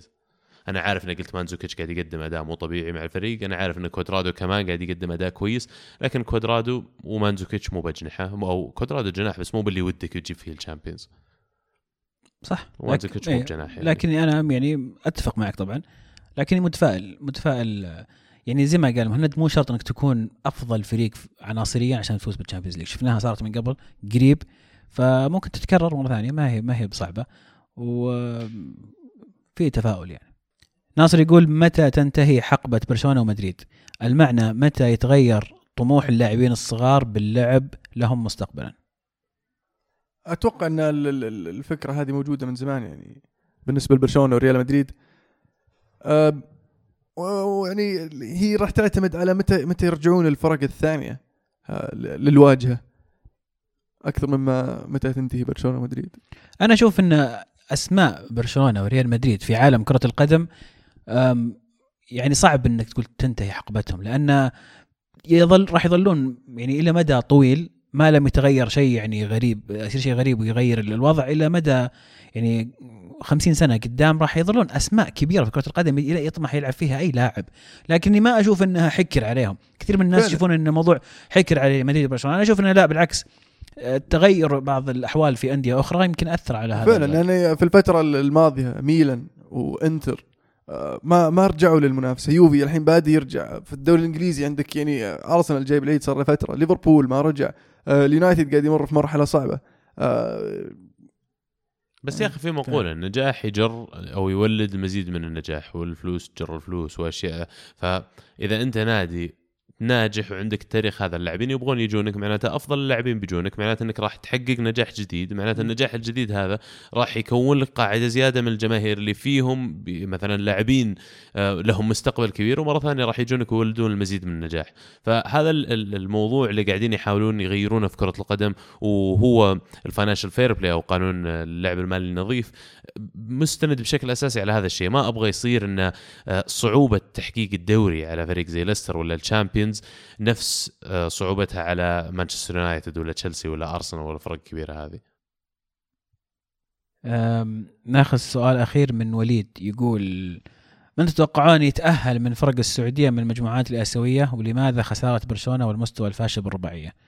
طبعا برشلونة أتوقع تكلمنا عن المستوى الفاشل لكن تأهل أربعة الأندية السعودية الهلال الأهلي التعاون والفتح من منهم سيتأهل ومن أتوقع؟ الفتح والتعاون راح يواجهون يعني آه، صعوبة. آه، تح- تحدي جديد بالنسبة للتعاون. آه، الفتح يعني آه، ممكن يكون عنده الخبرة بما أنه شارك قبل آه، لكن ما أتوقع ان عنده نفس. اللعيبة أصلا من الفترة هذيك. ف- ابدا غير كافيه آه. الخبرة هذيك. ف يعني آه، أشوف إن الهلال والأهلي يعني إن شاء الله على الأقل. سكري آسيا طبعا. ما تدري يا أخي في أندية قبل حققت البطولة ما قد شاركت فيها ترى. أي بس احمد يعني زي والله أنا بحافظ على يعني الشعره اللي بيننا عشان ما تنقطع. بس آه، يجي على بالي سيدني يعني. ممكن بس بس يحتاجون. يحتاجون آه، نشيمارا يعني عشان يفوزون. حتى إذا جاء ضد الهلال ذاك الوقت نادوا لكن أتفق معك يا مهند أعتقد الهلال والأهلي بس هم اللي راح يتأهلون للأسف يعني آه، على قد ما متحمس أشوف التعاون وتشجيع الجمهور على الحضور لأني أعتقد إنها صعبة. فعلا نتمنى كل التوفيق يعني لممثلين الوطن. التعاون فاز على لوكوموتوف لوكوموتيف 1-0 آه، لكن الفتح خسر لكن الفتح خسر برا أرضه فيعني مقبول الخسارة. لكن بداية جيدة للتعاون. إن شاء الله التوفيق بكرة لبقية الأندية. السعودية والخليجية. السعودية والخليجية أيضا. الأهلي الإماراتي فاز على الاستقلال. ال- الخوية فاز على الجزيرة 3-0 العربي سجل. أفضل مهاجم مغربي. نعم. هداف تاريخي للنادي غرناطة الإسباني. شكرا لكل من شاركنا. نسعد بمشاركاتكم كالعادة. شاركونا الأسبوع القادم على هاشتاج الكورة أندرسكور. معنا 71 في ملاحظة آه، ال- ال- المشاركات اللي تجينا والاقتراحات ترى كلها نقراها وكلها ناخذها في الحسبان. شكرا لكم. استمروا في آرائكم. وإن شاء الله قاعدين نحاول نشتغل على الأفكار الجميلة ونقدم لكم محتوى أجمل إن شاء الله. جولة توقعات الأسبوع القادم. جولة توقعات الأسبوع القادم. أتلتيكو مدريد أمام برشلونة في قمة الدوري الأسباني. في إيطاليا إنتر أمام روما وديربي في فرنسا الشمال أمام الجنوب. مارسيليا أمام PSG. وجولة صعبة. هذه أحد المباريات ال- الكلاسيكيوية الجميلة في فرنسا. نعم. اللي نحب نشوفها. نعم. مع انها اخذت مباراة ديربي اشبيليا يعني بين ريال بيتيس واشبيليا من الدربيات ال- اللي برضو فيها مجالد. صحيح بس وراح تكون مباراة صعبة صدقني في في أرض ريال بيتيس. أكيد لأنه ديربي لكن بيتيس في مركز 13 فتفوق ديربي الفرنسي أكثر. يلا المرة الجاية. المرة الجاية إن شاء الله. المرة الجاية. بكذا وصلنا نهاية الحلقة. إن شاء الله تكونوا استمتعتوا معنا. أحب أشكركم على متابعتكم ودعمكم لنا. تابعونا على تويتر SoundCloud iTunes يوتيوب ومحبي ألعاب ال- الفيديو. لا تنسون تتابعون أو تشيكون على موقع ألعاب دوت نت يشمل كل ما هو ألعاب آه، راح تنبسطون فيه. كانت الكورة معنا. الحين الكورة معكم. فمان الله.